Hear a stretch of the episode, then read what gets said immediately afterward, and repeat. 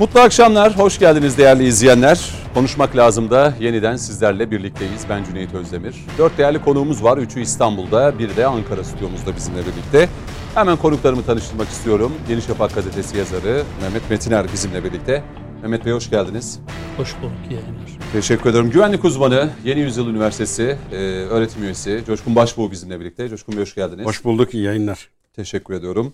Türkat Başkan Yardımcısı, avukat, hukukçu Cem Kaya bu akşam bizlerle beraber. Cem Bey siz de hoş geldiniz. Hoş bulduk, iyi yayınlar. Teşekkürler ve Ankara'da da Karatay Üniversitesi öğretim üyesi Profesör Doktor Masar Bağlı hocamız bizimle birlikte olacak. Hocam hoş geldiniz, iyi akşamlar. Teşekkürler. Konuklara da selamlar efendim. Bilmukabele. Bizden de selam Masar Hocam. Şimdi tabii siyasette öne çıkanları konuşacağız ama e, biz yayına başlamadan önce e, Milli Güvenlik Kurulu toplantısı sona erdi ve e, sonrasında da 5 maddeden oluşan bir e, metin kamuoyuyla paylaşıldı. Bu 5 maddeye baktığımızda ilk maddede tüm terör örgütleriyle olan mücadeleye devam edileceği hem yurt dışında hem de yurt içinde. İkinci başlıkta ise e, Rusya ve Ukrayna arasındaki krize atıfta bulunuluyor. Rusya Federasyonu ile Ukrayna arasındaki son gelişmeler tüm boyutlarıyla ele alınmış. Saldırıların bir an önce nihayete erdirilerek ateşkesin sağlanmasına ve iki ülke arasındaki sorunların Ukrayna'nın egemenliği ve toprak bütünlüğü gözetilerek kalıcı bir şekilde çözülmesine yönelik çabaların arttırılmasına ihtiyaç duyulduğu kaydedilmiştir. Aynı zamanda Karadeniz'de barış ve istikrarın idamesi için Montreux Boğazlar Sözleşmesi'nin titizlikle uygulanması da dahil olmak üzere sorumluluklarının gereğini yerine getirmesinin yanında ara buluculuk ve kolaylaştırıcılık çabalarını sürdüreceği belirtiliyor Türkiye'nin. Irak'taki siyasi süreç yine e, aynı şekilde Milli Güvenlik Kurulu'nda e, değerlendirilmiş. Libya'da yine aynı şekilde Libya halkının huzur ve refah kavuşması için önemli bir kazanım ve fırsat olduğu değerlendirilmiş deniliyor bu toplantıda. E, yeni çatışmalara sebebiyet verebilecek adımlardan da Türk tarafların kaçınılması gerektiği de yine bu metinde yer alıyor. Ve Doğu Akdeniz'deki haklarını korumadaki e, hassasiyet de devam ediyor. Türkiye'nin kararlılığının Karadeniz'in kuzeyinde yaşanan gelişmelerdeki dengeli duruşunun Balkanlar ve Kafkasya'da istikrarı tesis ve sürdürme yönünde sergilediği ısrarın küresel ve bölgesel barışı sağlama gayretlerinin ne derece isabetli olduğunun da son gelişmelerle bir kez daha görüldüğü de teyit edilmiştir. Beş maddeyi ben biraz kısaltarak da aktarmaya çalıştım. Coşkun Bey siz de başlayalım isterseniz. Ee, bu Milli Güvenlik Kurulu toplantısıyla alakalı hepinizden bir beşer dakikalık e, değerlendirme alacağım. Hem sınır içi ve sınır e, ötesindeki operasyonlar, e, Rusya ve Ukrayna arasındaki savaş, e, Irak'taki siyasi istikrar ve Libya'daki yine e, istikrarın sağlanılması çok çok önemli.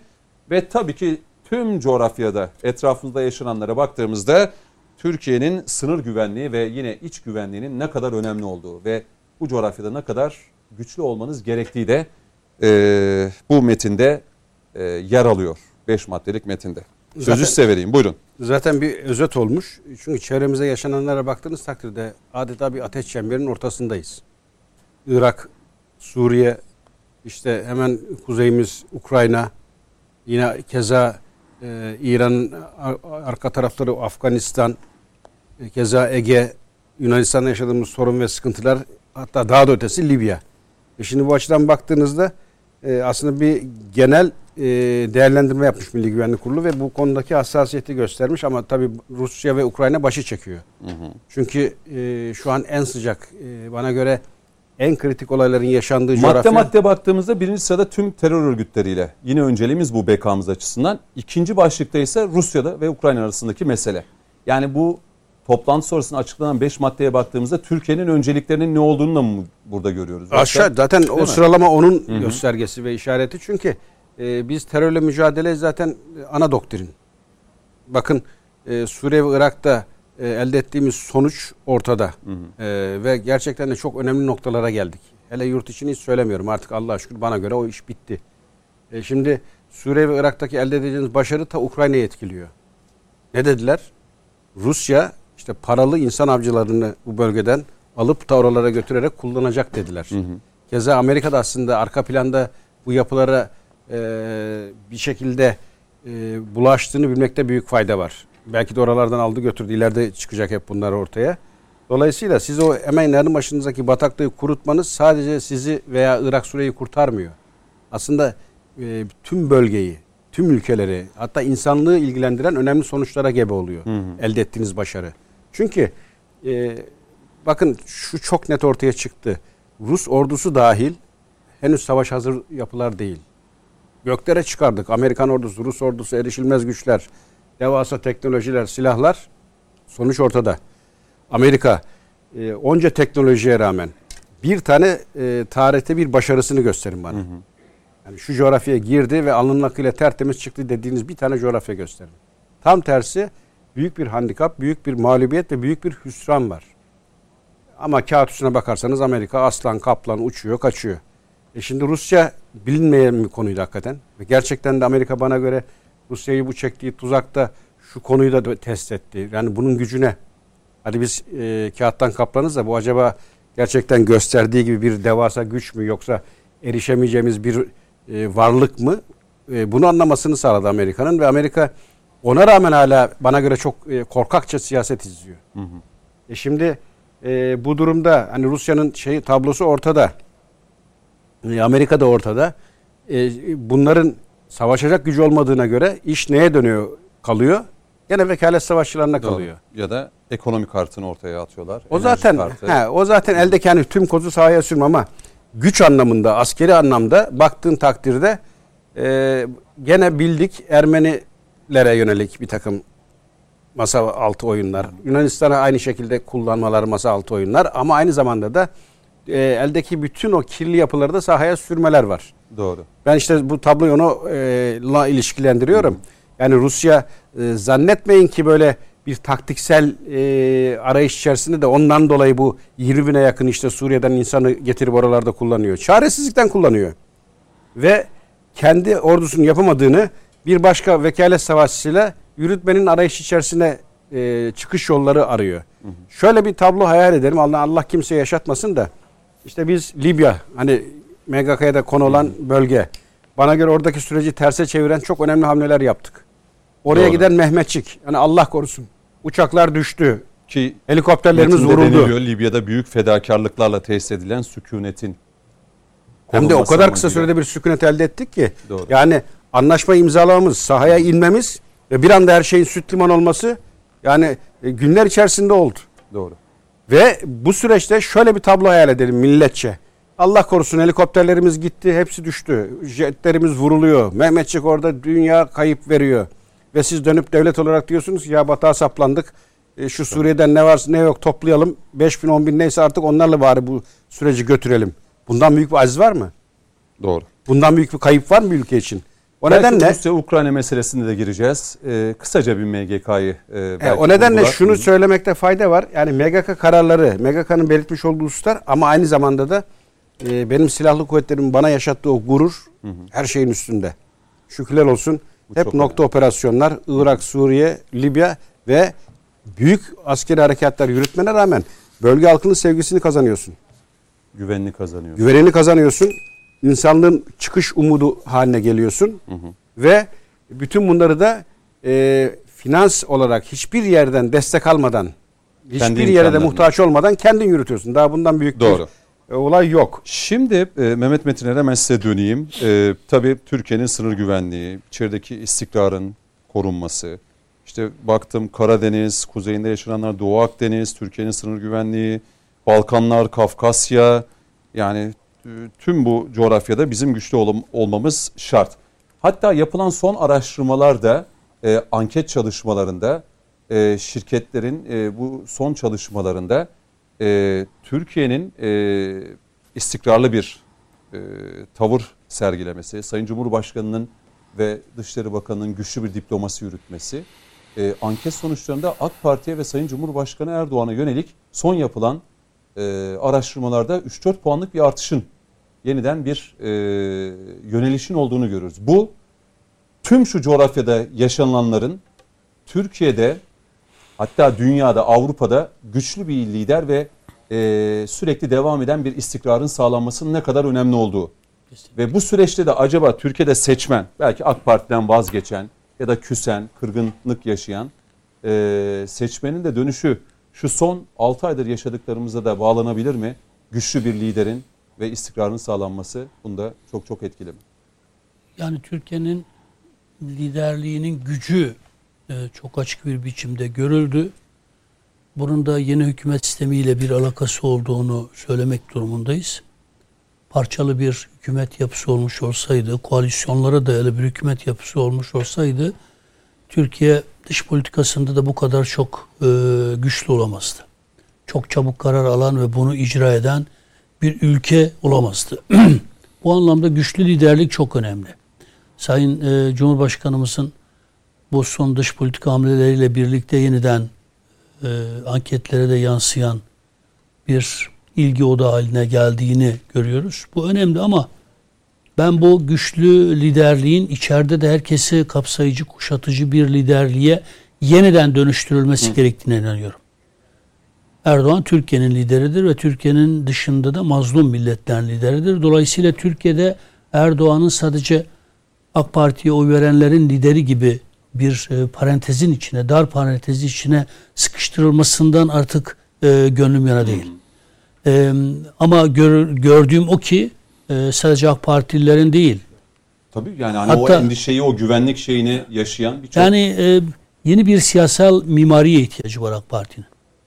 Bu dış politika hamlesinde ortaya koyduğu başarı içeride yeni bir siyasal mimariye dönüştürebilirse ben 2023 seçimlerinde e, tekrar eskisinden güçlü bir sonuç alacağımız Şöyle kanaatindeyim. Şöyle versem mesela muhalefet bir masada 6 kişi nasıl oturacağız, nasıl oturmalıyız, harf sırasına göre mi alfabetik, işte yaş mı, oy oranına göre bunun hani tartışmaları yaşanırken e, Sayın Cumhurbaşkanı'nın şu anda masa kurduğunu görüyoruz. Yani masayı kuruyor o masaya kimlerin oturması gerektiğine dair yoğun bir mekik diplomasisi yani yürütüyor. Masa kuruyor. Rutte'nin dünkü açıklamalarını gördünüz Hollanda yani ben Başbakanı. Ben Batı'nın bizi övmesinden son derece rahatsızlık duyan bir insanım. Batı bizi övüyorsa bizi bir yere sürmek istiyor demektir.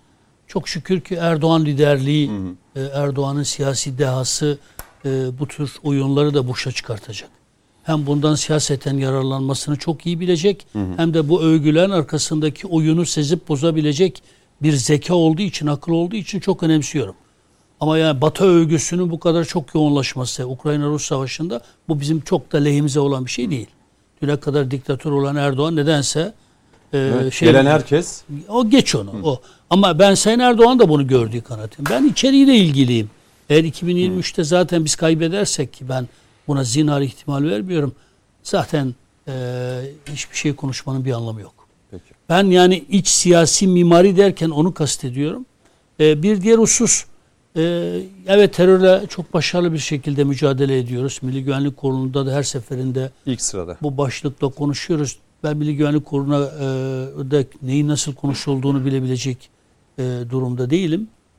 Ama terörün siyasallaşmasının önünü nasıl alınabileceği, hmm. terörün toplumsallaşmasının önünü nasıl alınabileceğini konuşmak bir siyasetçi olarak benim için çok da elzem terörü bitirseniz bile bildiğimiz klasik anlamda bitirseniz o hiçbir zaman bitmez. Arkasında Amerika'nın NATO ittifak e, NATO üyesi ülkelerin olduğu bir terör vekalet savaşı diye tanımladığımız bir terör olgusu hiçbir zaman bitmez.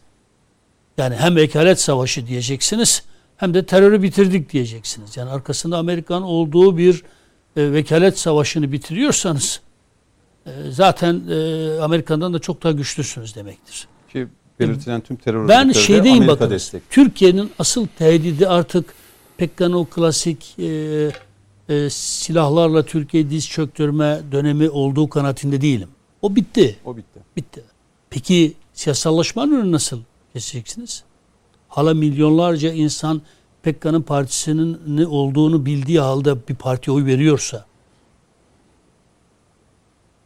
nasıl önleyeceksiniz? Yani, yani bu, bu meselelerde Milli ben, Güvenlik ben, Kurulu'nda konuşulmalı mı Ben bir diye. siyasetçiyim. Ben bu konular Milli Güvenlik e, Kurulu'nda konulması gerektiği kanaatindeyim.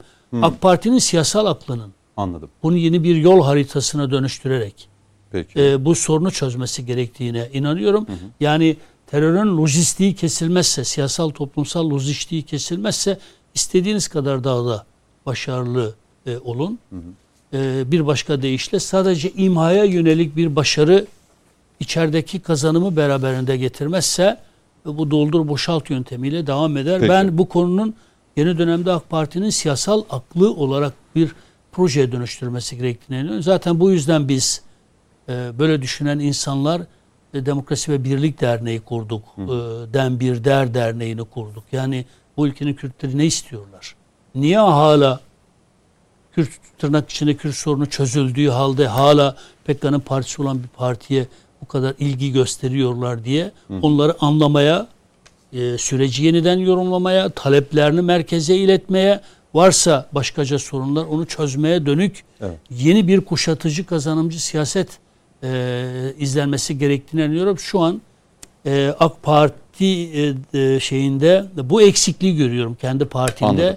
Hükümet olmamıza rağmen eğer bunu 2023'e doğru giderken hızla e, aklı başına bir projeye dönüştüremezsek e, korkarım ki Türkiye'de değişimin asıl öncüsü olması gereken Kürt vatandaşlarımız önce CHP'nin stepnesi kılınacak. Yani bu sorunun yaratıcısı olan CHP'nin yani eski Türkiye'nin yani statükonun stepnesi onlar üzerinde de Amerika'nın Türkiye üzerindeki çıkarlarının işte para, e, sivil unsurlarına dönüştürülecek ki bu Türklerin de Kürtlerin de hak ettiği bir durum Peki. E, değil Bu mesele önümüzdeki dakikalarda daha da böyle e, açarak e, konuşacağız. Özellikle yeni seçim kanunu e, bugün değerlendireceğiz. Hukukçu Cem Kaya ile birlikte belki onun startını vereceğiz. Ama önce bir Masar Hocama döneyim Cem Kaya.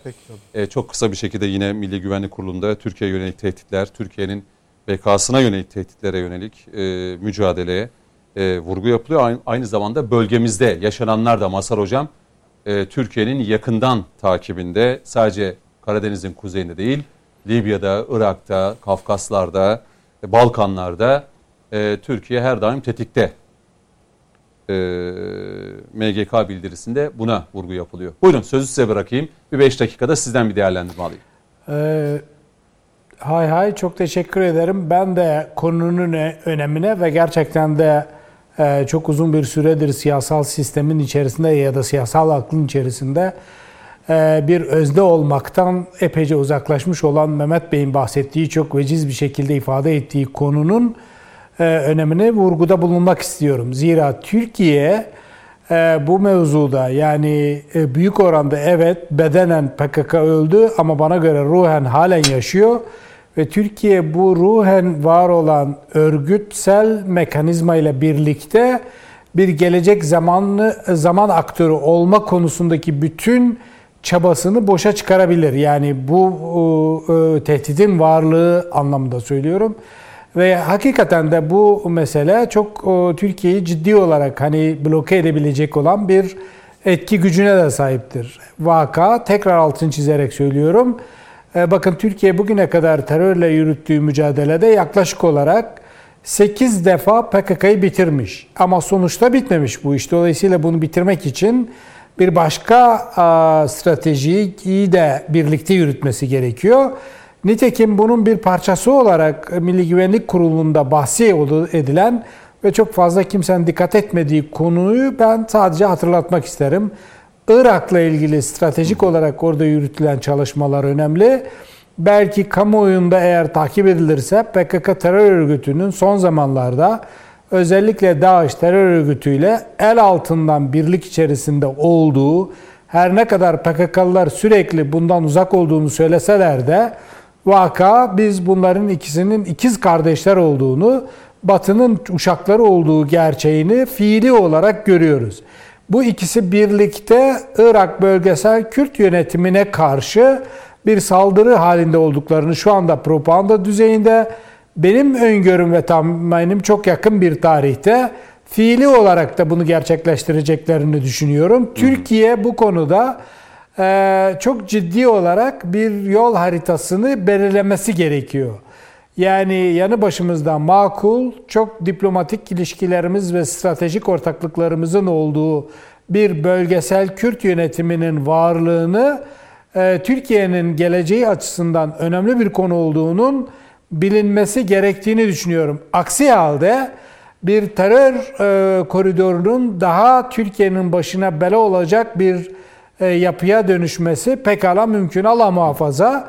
Buradaki var olan yapının yerine bu çetenin yerleşmiş olması sadece Türkiye için değil, sadece Türkiye Cumhuriyeti Devleti için değil, Türkiye Cumhuriyeti Devleti içinde yaşayan özellikle de Kürtler için bir felaket olur.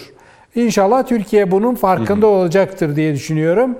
Milli Güvenlik Kurulu'nda da bu konunun zımnen bahsedilmiş olmasını görüyorum. Satır arasından bunu okuyorum. Nitekim e, Antalya'da malumunuz e, diplomasi forumunda da e, Sayın Neçirben Berzani Türkiye ziyaret etti. Sayın Cumhurbaşkanımız tarafından kabul edildiler ve bu konunun kanaatimi söylüyorum. Bu konunun konuşulduğunu düşünüyorum. Çünkü bu Türkiye'nin hem sosyolojisini hem siyasetini hı hı. hem de diplomasisini ilgilendiren bir konu. İhmale gelecek bir konu değildir. E, Milli Güvenlik Kurulu'nda ele alması da önemli ama ben de Mehmet Bey gibi düşünüyorum. Burada ele alınıp gerekli stratejilerin gerekli kurmay aklının ortaya konulması ama sivil siyaset üzerinden bu meselenin yürütülmesi gerektiği hı hı. gerçeğini de görelim.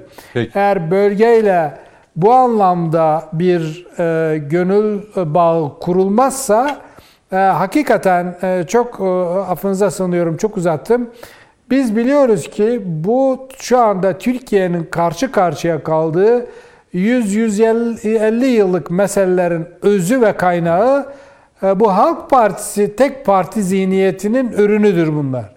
Tekrar e, bölge insanlığı ya da Türkiye'yi bu zihniyete e, mahkum edecek bir tercihin ya da bir sonucun ortaya çıkması neredeyse Abdülaziz'in öldürülmesinden bu yana elde edilen bütün kazanımların gerçekten kaybolması anlamına gelir.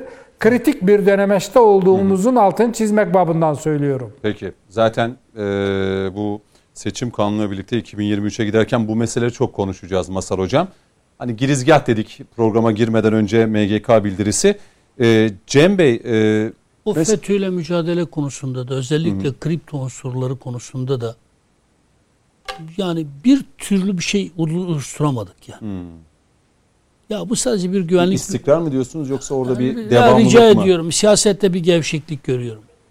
Orada ciddi sıkıntı var. Ya rica ediyorum. Yani her şey tabii ekranlarda Siyasette konuşamıyoruz. Siyasette mi, bürokraside mi, nerede? Ya devlette hala kümelenmiş. Hı. Biz zannediyoruz ki AK Parti'nin içinde temizlendi bir de olmaz. Her partinin içine yeniden sirayet edebilirler. Suretimizden görünerek sirayet edebilirler. Çünkü arkasında şey var ya.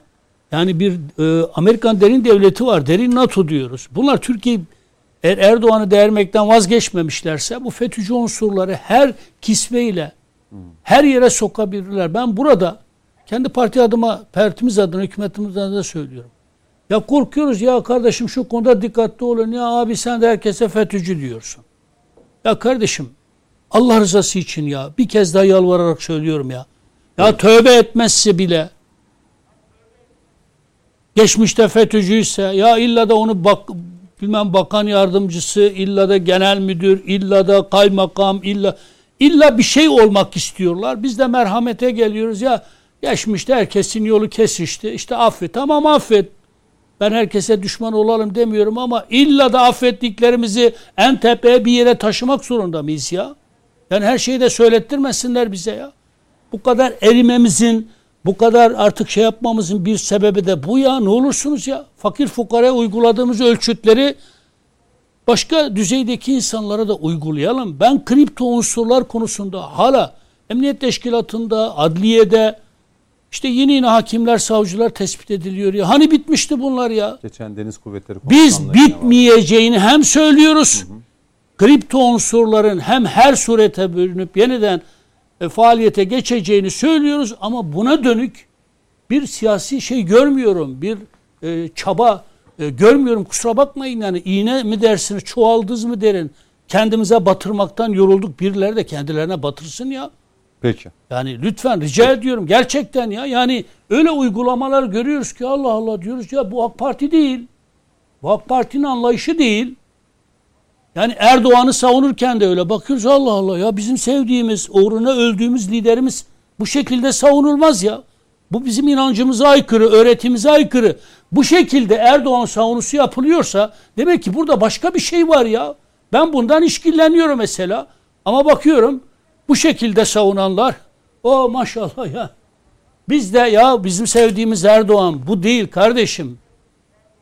Liderlik de bu değil, AK Parti de bu değil dediğimiz zaman ha ya bunlar da işte bir yere gelmedikleri için, gelemedikleri için işte başladılar muhalif olmaya. herkesi bizim gibi samimi insanları neredeyse ötekileştirmek için bizden daha fazla Erdoğancılık taşıyan insanları gördüğümde acayip rahatsız oluyorum ya. Ya peki bu kripto unsurları nasıl tespit edeceğiz kardeşim ya?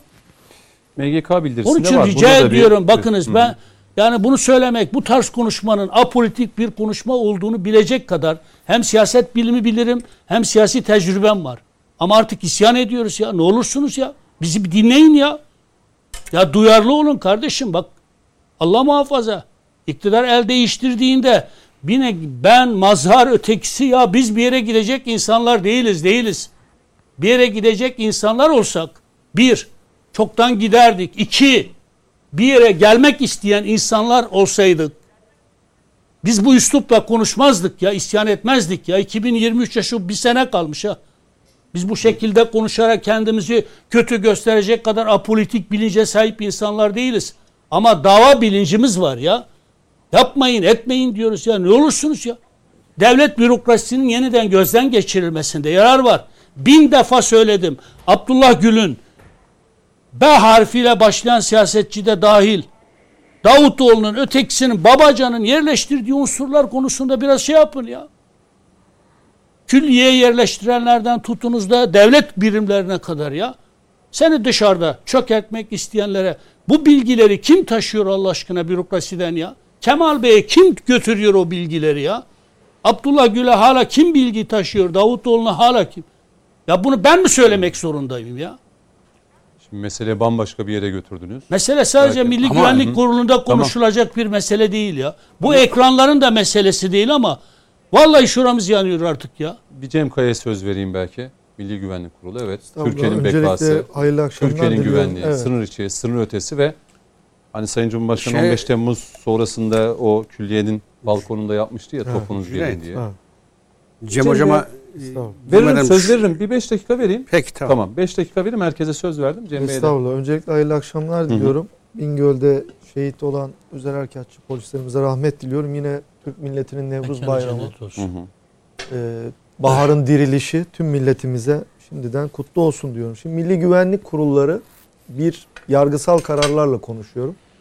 Bir devletin, bir milletin kırmızı kitabıdır ve inanın sizin gerek iç siyasetinize gerek dış siyasetinize A'dan Z'ye ve hukukunuza da bir yerde şeklini verir. Nereden biliyoruz?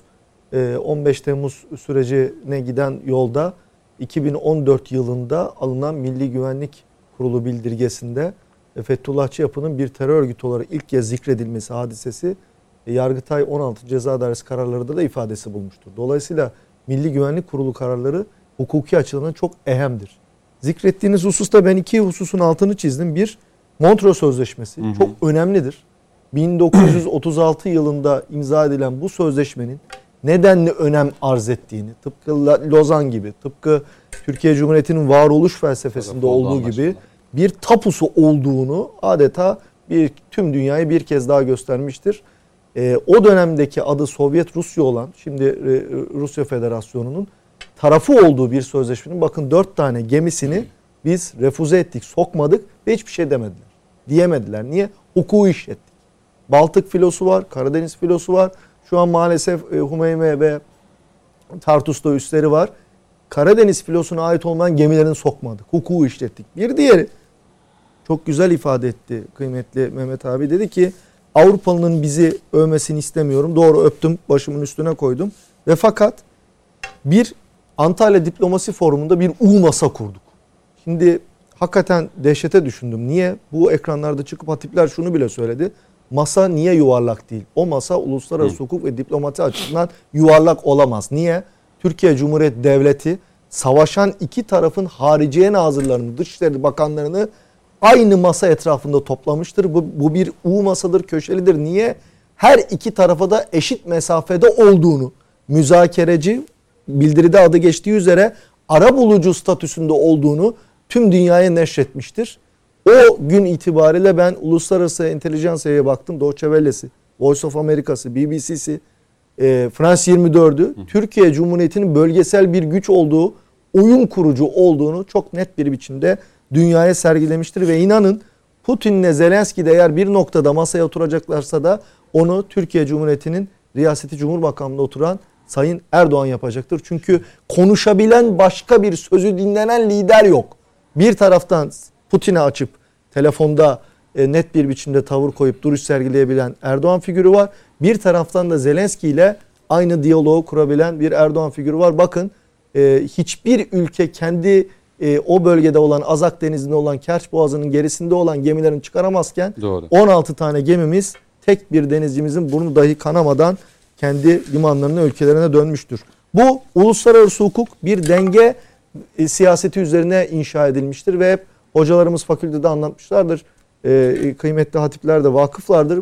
Uluslararası hukuk menfaatler üzerine inşa edilir. Bu menfaat ki hukuk düzeninin devletlere ve fertlere tanıdığı hak ve yetkidir. Dolayısıyla ebedi dostluklar yoktur. Ebedi düşmanlıklar da yoktur. Biz bunun en net örneklerini 30 yıldır, 35 yıldır, 40 yıldır çok net bir biçimde Masar hocamla Mehmet abinin çok doğru bir biçimde işaret ettikleri PKK terör örgütüyle mücadelede gördük. NATO'nun beşin, meşhur 5. maddesi vardır. Birleşmiş Milletler Konvensiyonu'nun meşhur 51. maddesi vardır. Ama sizin Mehmetçiğiniz, sizin insanınız, sizin köylünüz, sizin öğretmeniniz öldürülürken ne menemse bu uluslararası hukuktan kaynaklanan hiçbir madde burada çalışmaz. Niye? Çünkü ölen Türk ve Müslümandır. Ölen yine o toplumu bir araya getiren e, e, Mehmetçiğimdir. Gene o bölgenin insanıdır ve NATO hiçbir zaman burada 5. maddeyi yani birimiz hepimiz hepimizi e, bir- e, birimiz için olan yarın- One for all, all for fun'ı işletmemiştir. e, şununla bitireyim. Peki. E, su uyur düşman uyumaz. Şimdi Mehmet abi bir şey söyledi. Oradaki su bu içtiğimiz su değil. Su asker. Asker uyur su. Subay. Su evet. Subayı asker. oradan geliyor, evet, değil mi? Evet bravo. Asker uyur düşman uyumaz. Niye Mehmet abi bir şeyleri bilerek ve fakat çok edebi kelamla e, e, söyledi? Tehlike çok büyük. Daha birkaç gün öncesinde Adana'da farklı bir şeyler yaşadık. Bir sene öncesinde Antep'te bunu yaşadık. Biliyoruz adliyelerdeyiz, içindeyiz. Operasyondan sürüyor. Beni korkutan şu Mehmet abi. Bir sene sonra maazallah bir iktidar değişikliğinde inanın bu söylemleriniz 180 derece terse dönerek çok daha farklı bir Türkiye gerçeğiyle karşı karşıya Yani kayabiliriz. MGK'da yer alan bu 5 başlık belki Çünkü niye biliyor musunuz? Olmaz Bakın 15 Temmuz biz bu darbe davalarının tamamını bir Allah konuşu devletimizden veya şehit hallerimizden bir destek beklemeden 4 yıl boyunca Silivri'de takip ettik. Ve bunların bütün Allah beyin takımı cümlemizden, bütün beyin takımı, bütün yurtta sulh olarak e, telakki ettikleri İstanbul'u yöneten 14 ağır cezadaki darbecilerin biliyor Sayın Komutanım Tu ve tüm general düzeyinde duruşmalarına girdik ve hep şunu söylediler. Bizleri tehdit ederek, mahkeme heyetlerini tehdit ederek bunlar naralar atarak duruşmalardan çıktılar. Gün olacak sizler buraya geleceksiniz.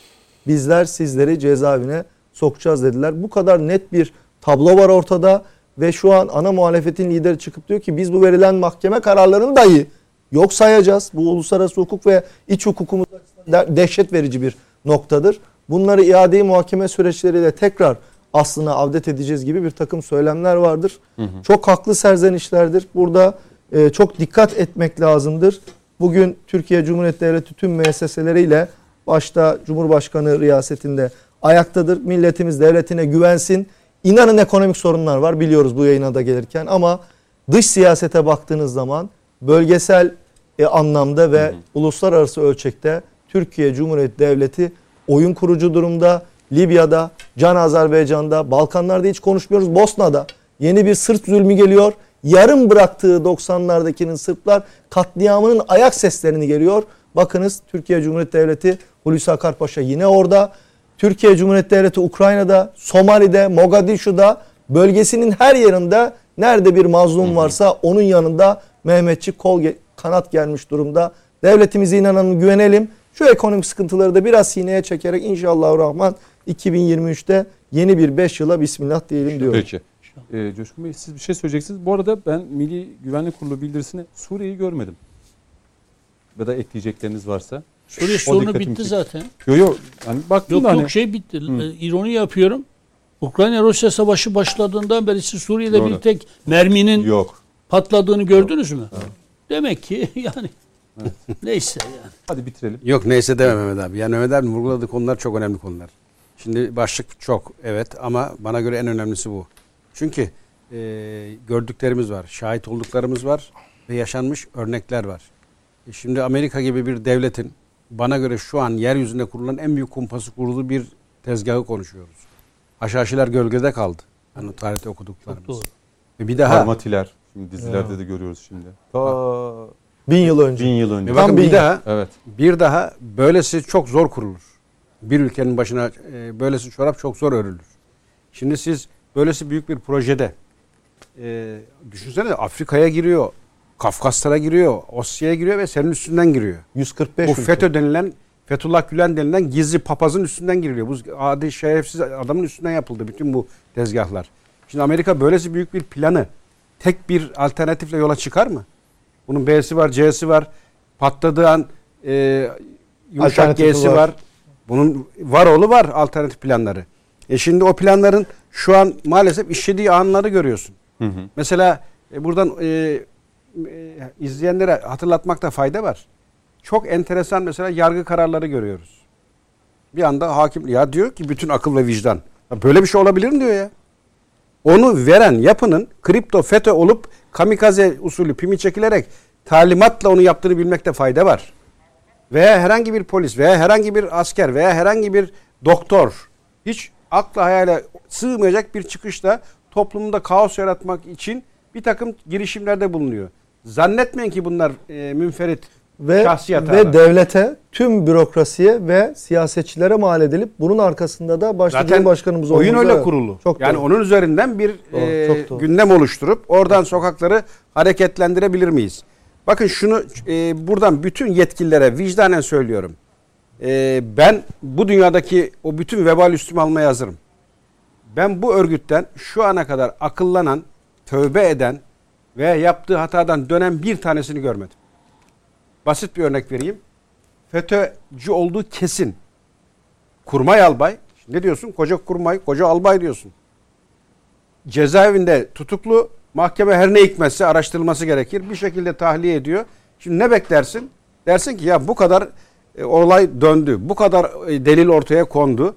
Bu albay olacak kişi zerre akıl varsa bu işten ben nasıl sıyırırım? Veya bir hata yaptık buradan nasıl kurtulurumun yolunu arar. Doğru mu? Tersini yapıyor. Ya 10 gün sonra örgüt evine bir operasyon gerçekleşiyor. Albay içinden çıkıyor. O nedenle ben bunların içerisinden tövbeliyim, pişmanım diyeni asla görmedim. Devlet Devlet pişmanlık yasasından faydalanan Aynen onu söylüyor işte ama pişmanlık yasasından e, e, ya- yararlanıyorsan 10 gün sonra gaybubet evinde ne işin var ne diyor. işin var? Nokta. Şimdi- Anladım. Doğru anladın değil mi Sayın Evet. Evet, evet. öylesine omurgasız bir yapı ki, öylesine alçak bir yapı ki iliklerine işlemiş ihanet ve e, bu ülkenin aleyhinde faaliyet yapmak, dışarıyla iş tutmak. Dolayısıyla bunları e, böyle devlet o kumar oynamaz. Kazanalım veya bir şekilde e, sistem içerisine alarak bir pişmanlık olur. Asla. Asla. Ve dolayısıyla ben bu temizliğin e, yani daha çok az bir bölümünü kat ettiğimiz inancındayım. Her kolunda yani siyasi partilerden tutun devlet kurum ve e, kuruluşlarında böylesi e, kritik olaylarda bana göre o kumara oynamadan bu temizlik canhıraş devam etmeli yoksa eksik kalır. Peki. PKK'nın biz evet askeri e, yani şiddete dayalı ba- bacağını bitirdik. Ülke içinde Allah'a şükür herkes güvende geziyor. Kesinlikle. Ama Mehmet abinin ifade ettiği gibi siyasi bacakta halen daha o tortu ayakta Mazhar kalmak Hoca'nın için dediği gibi ruh hala var. O- var. Yani. E, bu Peki, kesin. Bir Mazhar Hoca'ya da belki sözü vereyim. Bu ilk bölümü bitirme adına, toparlamak adına. Ee, çünkü birazdan araya gideceğim. Sevgili yönetmenimden de belki onayı almak adına. Mazhar Hocam buyurun. Hani Milli Güvenlik Ee, Kurulu'ndan başladık. Türkiye tabii- Pek çok konuyu konuştuk. Türkiye'nin bekası ve bu MGK'nın da öncelikle birinci Ben- maddesinde PKK, KCK, PYD, YPG, FETÖ öncelikli olarak yer alıyor. Onlarla mücadele. E, Şöyle yani şimdi hani çok böyle e, öncelikle ben Mehmet Bey'in söyledikleri hakikaten hissiyatına hepimizin hissiyatına tercüman olan konuşmalarına bütün yüreğimle katılıyorum. Gerçekten üstadım. E, bizim bir ikbal şeyimiz yok. Yani Türkiye'nin bu gidişatında Türkiye'deki yapılması gereken siyasi aklın Türkiye'nin geleceğini şekillendirme konusunda e, pek çok hani atması gereken adımlar ve yapması gereken işler var.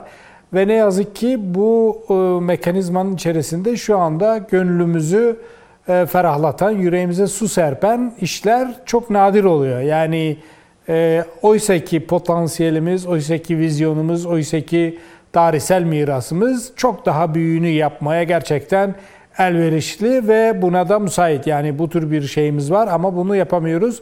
İçimizde ukde kalıyor üstadım yani daha sonraları işte dünya değişiyor, sanayi devrimi oluyor biz geride kalıyoruz, siyasal devrimi oluyor biz geride kalıyoruz, tarım devrimi oluyor geride kalıyoruz. Bu kez geride kalmayalım istiyoruz. Ya yani bu çok Türkiye'nin arzu ettiği bir konu. Tabii bu bahsettiğiniz Türkiye hakikaten hani bir hamaset ya da bir klişe ifade değil dünyanın en kritik bölgelerinden birisinde bulunan ve çok büyük bir tarihsel mirasa sahip olan bana göre aynı zamanda insanlığın kayıp hafızasını içinde barındıran bir ülke. Ne demek istiyorum? Bugün dünyada en kritik siyasal sorulardan birisi bana göre farklılıkların bir arada barış ve kardeşlik içerisinde nasıl yaşatılabileceğidir. Ve bunun formülünü keşfeten bütün hangi aktör olursa olsun, hangi ülke olursa olsun dünyanın en önemli aktörlerinden birisi olacak. Yani bugün e, geçmiş tarihler açısından söylüyorum. Biraz da bu konuyu akademik olarak çalışan bir hoca olarak söylüyorum.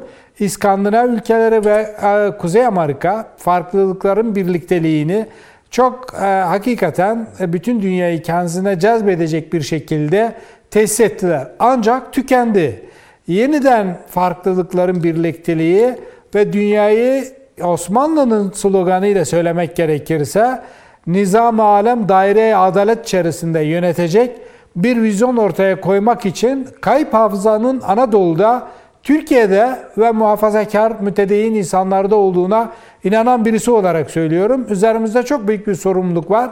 Bütün bu örgütler tam da bu hafızanın ortaya çıkmasını bloke etmek için ortaya çıkarılan ya da uydurulan ya da ortaya çıkan yapılardır, hı hı. engellerdir. Biz bunları eğer yani çok daha stratejik bir akıl ortaya koyamazsak bunların üstesinden gelemeyiz. Milli Güvenlik Kurulu bu konuda bir dikkat çekti ama bunun ötesini getirecek, bunun devamını getirecek olan siyasal e, akıldır, siyasi iradedir. Peki.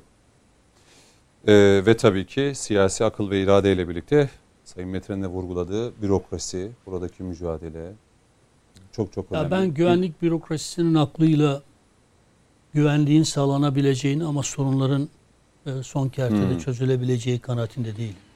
Güvenlik bürosunda çok değerli arkadaşlarımız var. Ama bu siyasi irade ilgilendiren bir şey kardeşim. Hmm. Ben bu ülkenin, bu ülkenin bir Kürdü olarak kardeşlerim yanıyorum ya. Yüreğim yanıyor kardeşim ya. Diyarbakır meydanında hala o insanlar neyi kutluyorlar Allah aşkına ya? Eli kanlı zalim bir terör örgütü var. Onun karşısında korkmaya çekinen insanlar var. Orada zafer işareti yapıyorlar. Özgürlük ateşi güya yakıyorlar. Ya size esaret altına alınan bir örgütün militanlarına dönüştürmüşsünüz. Yani zalim daha kava rolüne bölünmüş. Ya biz bu gerçeği anlatamıyoruz ya. Hiç kimsenin olmadığı zamanlarda Batman ya Batman'da biz belediye almışız ya. Diyarbakır'da, Aynen. Van'da ne oldu ya? Ne oldu yani? Rahmetli Erbakan Ne oldu? Hocam. Nerede? Evet. Nerede? Nerede hata yaptık kardeşim? Terörle mücadelede başarıyız. Peki adam kazanmada niye başarılı değiliz kardeşim? Ben bir siyasetçi olarak sonuç odaklı düşünürüm. Evet. Sonuç odaklı. Onun için rica ediyorum, yalvarıyorum ya. Peki. Yalvarıyorum ya. Kılıçdaroğlu gidiyor C şeyde Diyarbakır gitsin. Ama kardeşim hani Kürt halkının varlığını inkar eden bir zihniyetin temsilci olarak ya, ya Kürt meselesini çözen Erdoğan gibi bir liderliğimiz var. Öğretimiz var, inancımız var ya. Herkesi kuşatan, kucaklayan, adalet dediğinde yani şey yapan bir anlayışımız var ya. Ne oldu da? Ne oldu da yani? Peki ne oldu Onun da? için bunu rica ediyorum. Bakınız Gerçekten apolitik konuşuyorum. Lanet olsun politikasına da kim gelecek ikbaliyle konuşuyorsa. İstemiyoruz kardeşim bir şey ya. Kendimiz için bir şey istemiyoruz ya. Elimizin tersiyle itiyoruz ya. Ama feryadımıza bari kulak veriniz ya. Bu insanlar niye feryat ediyor ya? Bir çağıralım konuşalım deyin ya. Çağırın konuşun ya. Bu insanlar niye HDP'den kopmuyor kardeşim? Niye PKK'dan kop kopmuyor ya? Sırf Diyarbakır anneler üzerinden bir söylem geliştirmek yetmiyor ki kardeşim. Hmm.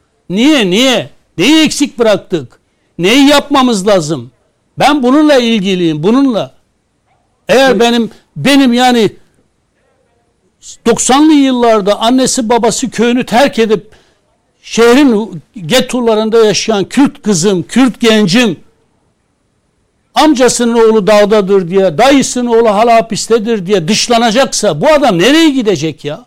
Nereye gidecek ya? Yani HDP'nin dışında gidecek başka bir yer bırakmıyoruz kendilerine. Sonra da da e, yardım yataklık diye bir dönem cezaevine atıyoruz. PKK'ların koğuşuna atıyoruz. Oradan militan olarak tekrar çıkıyorlar. Dağa gidiyorlar. Kardeşim rica ediyorum, yalvarıyorum ya. Yalvarıyorum kardeşim. Bak burada siyasi ikbal yok. Yok kardeşim ya. Kimse bizi görsün, dikkati çekelim. Buna ihtiyacı olan insanlar değiliz ya. Milletvekili ise yapmışız. Şöhretse şöhretimiz var, her şeyimiz var ama ya ülke gidiyor ya. Ülke gidiyor kardeşim. İstanbul için aynı şeyi söyledik, dinletemedik ya. Ülke gidiyor kardeşim. Burada her şey açık konuşamıyoruz. Ama lütfen rica ediyorum bu ülkenin Kürtlerini münhasıran bu ülkenin Kürtlerini kazanacak yeni bir şey. Yazıktır dindar muhafazakar. Kendi Kürtlerimize PKK'nın yedeğine koşmaktan Amerika'nın e, sivil unsurların haline dönüştürüyor. Yeni kazanımcı bir dil ayaklarına gideceğiz, anlatacağız, eksiğimiz varsa düzelteceğiz, temsilde sorun varsa gidereceğiz. Bölgesel milliyetçilik yapıyorsak vazgeçeceğiz. Bölgesel milliyetçiliği şehir milliyetçiliğine kadar indirgemişsek bunlardan vazgeçeceğiz. Türkiye'nin partisiyiz biz. Türkiye'nin bu ülkede yaşayan herkesin partisiyiz. Peki bir araya gideyim. Sayın Metiner İstersen ben bitireyim ayrılayım da bu bu psikolojiyle herhalde her şeyi berbat edeceğim. Olmuş. Çünkü siyasi geleceğimi de berbat ediyorum herhalde yani bilmiyorum. Çünkü burandan konuştuğun zaman iyi siyasetçi olmuyorsun. Yüzüne güleceksin. Her şey çok iyi gidiyor. Aa ne güzel.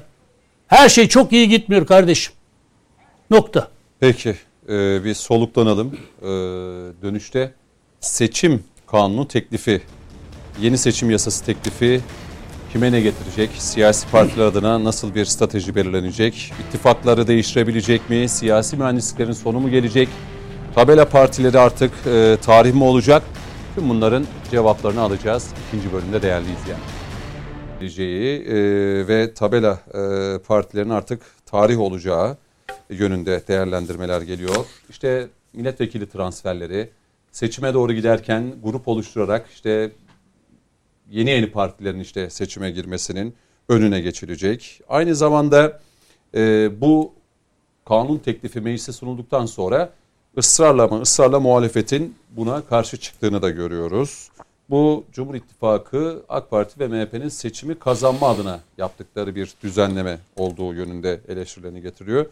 Seçim barajının %7 tutulması ittifakların önemini daha da mı arttırıyor?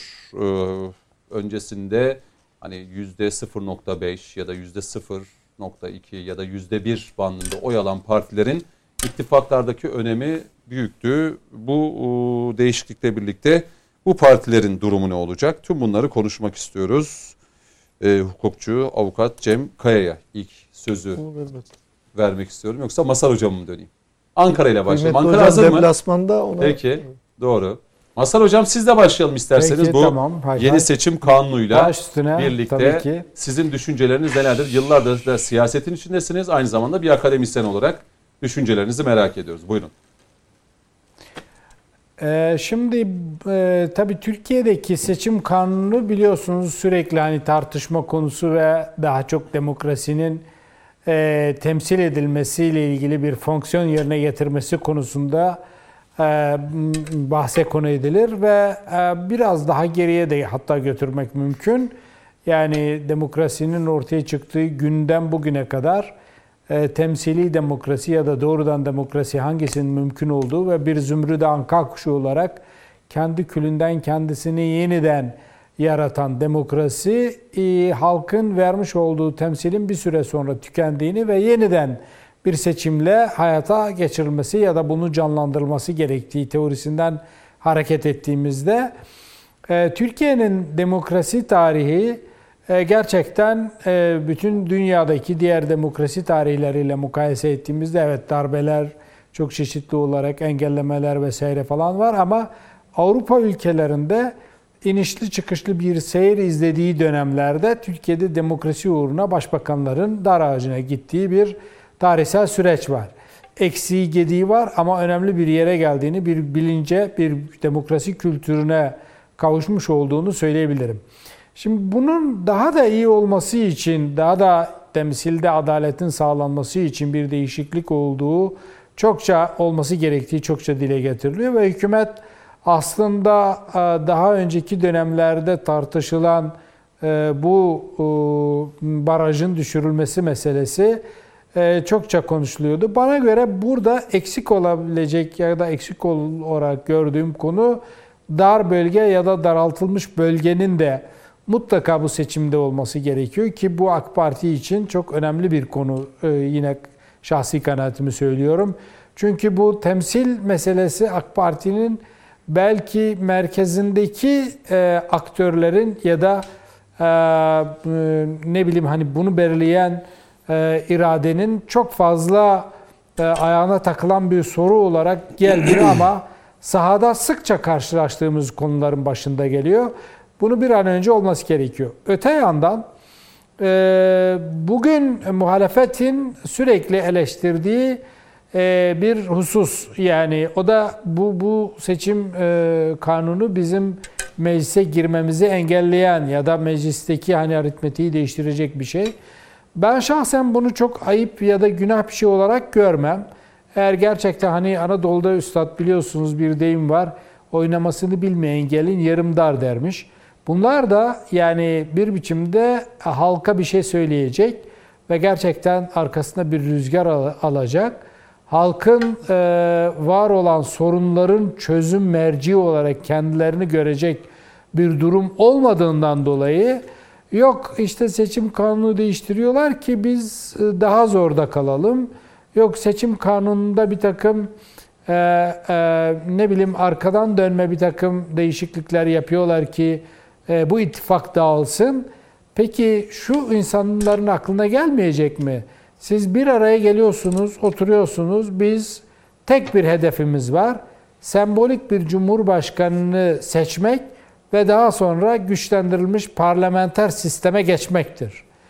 Eğer öyleyse buyurun yani e, bu seçim kanunu eğer tek bir partinin listesinde girmeyi daha çok dayatıyorsa niçin e, bundan bir endişe duyuyorsunuz, bir korku duyuyorsunuz ve gerçekten de toplumun kahir ekseriyetinin esas meselesi e, mevcut olan hükümet etme biçimi ise bunu iddia ediyorlar. O zaman buna bence itiraz etmemeleri gerekir. Tam tersine onların işini kolaylaştıran, tek bir çatı altında seçime girip bir listeyle çıkıp hemencecik bu işi değiştirip bitirmeleri gereken bir şey. Ancak bu tabii ki hani dediğim gibi bahane bulmak isteyenin rızasını tahsil etmek mümkün değildir. Hakikaten de bahane bulmak için Seçim kanunda değişiklik oldu. Hı hı. İşte savaş çıktı. Yine aynı şekilde Türkiye'nin diplomatik başarısı halkı ikna etti. Güvenlik kaygıları öne çıktı. Ekonomiyi insanlar ikinci plana itmiş oldular gibi bir takım bahanelerin arkasına sığınarak bugüne kadar AK Parti karşısında hiçbir varlık gösteremeyenlerin bir takım bahaneler üretmenin ötesinde bir yani e, şahsen bir e, siyasi analiz içerik görmedim gerçekten. Hı hı, hı. Bu tabii ki e, şunu kabul edelim. E, seçim kanunları iktidarlar döneminde yapılır. E, çünkü biliyorsunuz sal çoğunluğu gerektiren değişikliklerdir. Ve bu çoğunluğu gerektiren değişiklikler yapıldığı zaman da doğal olarak iktidar partilerinin hani önerisi doğrultusunda yapılacaktır. Yani şöyle bir düzenleme olmasını mı bekliyor acaba muhalefet? Ya AK Parti ve Milliyetçi Hareket Partisi desinler ki HDP'ye sen bize bir seçim kanunu önerisi hazırla getir. Biz senin istediğin gibi bir kanun düzenleme yapalım. Böyle mi bekleniyor? Ya bunun gerçekçi olma durumu var mı? Bunun uygulanabilme yahut da Milliyetçi Hareket Partisi'ne mi, e, affedersiniz İyi Parti'ye mi demeleri gerekiyor? Bence bütün bu dengeyi bozan konu benim temel tezim ve iddiam şu. Cüneyt Bey. Buyurun. Şimdi Türkiye'nin sosyolojisini kabaca ayırdığımızda %70 muhafazakar mütedeyin bir kitle var. %30'u sol işte daha ideolojiye, ulusalcı, kemalist sol ideolojiye sahip bir kesim var. Bu %70'in içerisinden %10'luk bir parti çıkmış. Diğer geri kalan %60'ı buraya rağm etmeye ya da buraya mahkum etmeye mecbur edecek e, bir e, baskın uygulamak istiyor ya da bir e, retorik geliştirmek istiyor. Bunun siyaseten bir başarı elde etmesi, bir varlık göstermesi düşünülemez, düşünülmüyor da zaten. Yani bir siyasetin dengesini bozacak ya da onun meşruiyetini tehdit edecek bir konuya işaret ediliyor. Nitekim daha önce bu seçim kanunundaki var olan diğer maddelerden birisi de bildiğiniz gibi e, seçim başkanının, e, seçim kurul başkanının en yetkili hakim olarak daha önce e, atama yapılıyordu. Şimdi en kıdemli kurayla belirlenecek. Yani en daha demokratik bir ortamda daha sağlıklı bir işleyişle bu işin gerçekleşmesi talep ediliyor. Ama yine de muhalefet buna rıza göstermiyor. Yani ben muhalefetin bu şey esnasında en azından bu bir tasarı bildiğiniz gibi meclise gelecek ve Komisyonda. gazetelerde de bazı ajanslar da komisyonda konuşulacak. Milliyetçi Hareket Partisi'nin bizim için turpun büyüğü heybede diye bazı yorumlar yaptıkları da söylüyor. Yani başka türlü önerilerde de bulunacaklar. Eğer gerçekten varsa bu tür bir önerileri ve halkı da ikna edebilecek meclisteki vekiller de sonuçta memleket için çalışan insanlardır çok orijinal bir şey getirirlerse bu konuda bir değişiklik olur. Ben bir hatırlatmayla bitireyim. Buyurun, buyurun Masar Hocam. Bakın şu anda e, HDP, Cüneyt Bey şu anda HDP bir kapatma davasıyla karşı karşıyadır. Mehmet Bey de çok iyi hatırlayacaklardır. AK Parti parti kapatma ile ilgili yasal düzenlemeyi imkansız hale getirmek için gerekli değişiklikleri ve düzenlemeleri yaptığı zaman HDP'nin oylarıyla o kanun geçmedi. Yani HDP eğer ona e, destek vermiş olsaydı, onay vermiş olsaydı bugün bu tür bir durumla karşı karşıya kalmayacaktı. Peki e, bugünkü var olan seçim kanunundaki değişikliğin Türkiye'nin siyasal sistemini ve demokratik sistemini hakikaten uzak bir öngörü için daha iyi kurduğuna dair tartışmalara dair bir şey söylüyorlar mı? Hı hı. Şahsen ben şahit olmadım. Daha çok bu e, bir senaryo yapıyorlar bugünkü var olan yani eğer kanun değiştirilirse Milliyetçi Hareket Partisi 4 milletvekili daha fazla kazanacak. AK Parti de 10 milletvekili daha fazla kazanacak. Bütün bu gayretleri, bu çabaları, bütün bu itirazları bu kadar büyük iddialarla, bu kadar büyük tezlerle, bu kadar büyük kürültülerle ortaya çıkmaların neticesinde 14 milletvekiliyi kaybettikleri zaman iktidar da kaybedecekleri anlamına mı geliyor? Yani bu dediğim gibi ya çok bahaneler üretmek Peki. için ortaya hı hı. koydukları Peki. mümkün muhtemel başarısızlıklarının için bir arkaya sığınacakları bir e, kalkan olarak gördüklerini düşünüyorum. Şimdi Masar Hocam dinlerken benim de aklıma şu geldi Cem Kaya. Buyurun. Yani mesela Kılıçdaroğlu'nun başını çektiği bu Millet İttifakı sürekli bir seçimi kazanacağız. Geliyor gelmekte olan. Bu kadar iddialı hatta Cumhurbaşkanlığı adaylığı içinde bu kadar kendini e, tabanına da e, deklare eden. Evet deklare eden Kılıçdaroğlu yine İyi Parti Genel Başkanı Meral Akşener grup toplantılarında ısrarla bu seçim kanun teklifine itiraz ediyorlar. Aslında etmiyorlar. Etmiyorlar. Çok güzel bir sual arz ettiniz. Ters Peki. köşe başlayayım. Şimdi Mehmet abinin feryatları gibi olsun biraz farklı bir zaviyeden bakalım. Şimdi kıymetli hocam işin çok özet boyutunu Mazhar hocam ifade etti Ankara'dan. 14 tane vekil midir acaba tartışmanın konusu olan yoksa e, real politikte önümüzde ne var? İtiraz ediyor mu muhalefet? Mış gibi mi yapıyor? Mış gibi yapıyor. Çünkü bu yasa bu şekilde geçsin istiyor. Çünkü neden? İşlerine mi geliyor? Tabii net. Bakın şimdi kitabın ortasından konuşalım. Çok net bir biçimde şunu söylemek lazım. Ne yaparsanız yapın. Bakın önce en son söyleyeceğimizi en başta söyleyelim. Hiçbir kanunla, hiçbir regülasyonla, hiçbir siyasi mühendislik hamlesiyle sandığı değiştiremez. Bu Necip millet eğer 2023'te AK Parti ve temsil ettiği değerli Cumhur İttifakı, Milliyetçi Hareket Partisi'ni bir farklı noktaya koymak istiyorsa koyar. İstediğin seçim kanunuydu. Veya ters zaviyeden bakalım. Siz hangi regülasyonu, yasal düzenlemeyi hemen bakın Mehmet abi tecrübeli bir siyasetçi e, tırnak içinde konfirme ettiği ifadelerimi. Bu millet eğer devam etmek istiyorsa aynı ruhla, aynı lideriyle, reis cumhuruyla aynı şekilde de hangi seçim kanunu mevzuatını getirirseniz getirin yine devam edecek. İşte asıl olan o sizin kendi uhdenizde, değerlerinizde 20 sene önce gidip okşadığınız yanaklarda, dinlediğiniz teyzelerde saklıdır. Çünkü oyu onlar veriyor. Mehmet abinin oyu da bir, Cüneyt Bey'in oyu da bir, Kesinlikle. nacizane avukat Cem Kaya'nın oyu da bir. Şimdi teklif niçin verildi? çok Ne- basit anlatayım neden? Siz bir referandum yaptınız.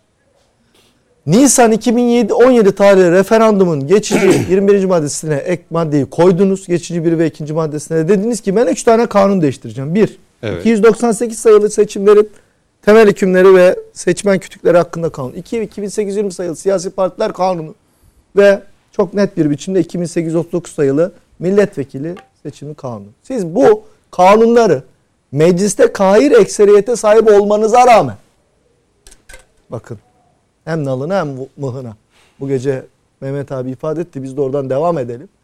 Bunu yapmadınız. Ve öyle bir noktaya da geldiniz ki yasal değişikliği yapmak zorundasınız. Niye? Çok açık ve net bir biçimde başta anayasa 67 olmak üzere seçimlere bir yıl kalmazdan önce seçim kanunu değişikliği yapamıyorsunuz. Yani Nisan'da bu yasalaşırsa Nisan ortası gibi Evet. Haziran'da seçim. Yani Haziran'daki seçim için mecbur geçerli. kaldınız. Tabii mecbur kaldınız. Peki Masar Hocam'a atfen söyleyeyim. Bu kanun acaba anayasa 15 maddeli bir kanun ikisi yürürlük ve icra maddesi acaba muhalefeti hakikaten dediği gibi olmuş gibi yaptığı gibi daraltıyor mu yoksa daha da mı iştahlandırıyor? Net bir biçimde Peki şöyle soru cevap şeklinde Gidelim. gidelim. Ee, Değişen hiçbir şey yok günün sonunda bak net. Net. Şimdi itirazlarına bakın. mesela bak itirazlarıyla itiraz geldi. ki bizim milletvekili Getirdim. sayımız bak getirdim. Hem de mı en ağ babaların Parti MHP'li bak en ağ diye. babaların itirazlarıyla getirdim. Evet. İbrahim Kaboğlu. Büyük profesörler var ya.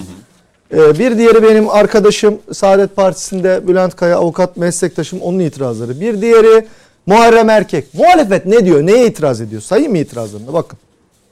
Kaç? Bak- Çok basit. Seçim barajının sıfırlanmasını istiyoruz. Sıfırla kardeşim getir. %7 olmasın çoğulsun. Hiçbir şey değişmiyor. İki, parmak boyası geri gelsin. Bak komedi var ya karga Parmak kuşları. boyası. Parmak. Parmağımızı boyarlarda çıkmaz. Mükerrer oy kullanılması. Seçim kurullarının yapısına müdahale edilmemesi. Ne geliyor biliyor musun? Eskiden Masal Hocam en yetkili dedi. Hayır en kıdemli. Yani yaşça en büyük. Kıdem anlamında öyle söyleyeyim vatandaşımla. En deneyimli mi diyelim? Ya en kıdemli meslekte siz 35 yıllık hakimsiniz. Evet. Ben 20 yıllık hakimim. Sicile göre sizin daha eski olduğu için siz orada il seçim kurulu başkanı olurdunuz. Bu da ne oldu son dönemde? Yaşadık 31 Mart seçimlerinde. Emekli oldu. İstanbul il seçim için söylüyorum bir mahkeme başkanı. Diğeri kalp krizi geçirdi. Diğeri seçime 3 gün kala ameliyata girdi. Ya hakim yok. Hakim bulamıyorlar ne yapacağız diye. Dediler ki birinci sınıfa ayrılmış tüm hakimler arasından tüm siyasi partiyi gözlemcilerin önünde koyalım. Cüneyt Özdemir de burada moderatör olsun.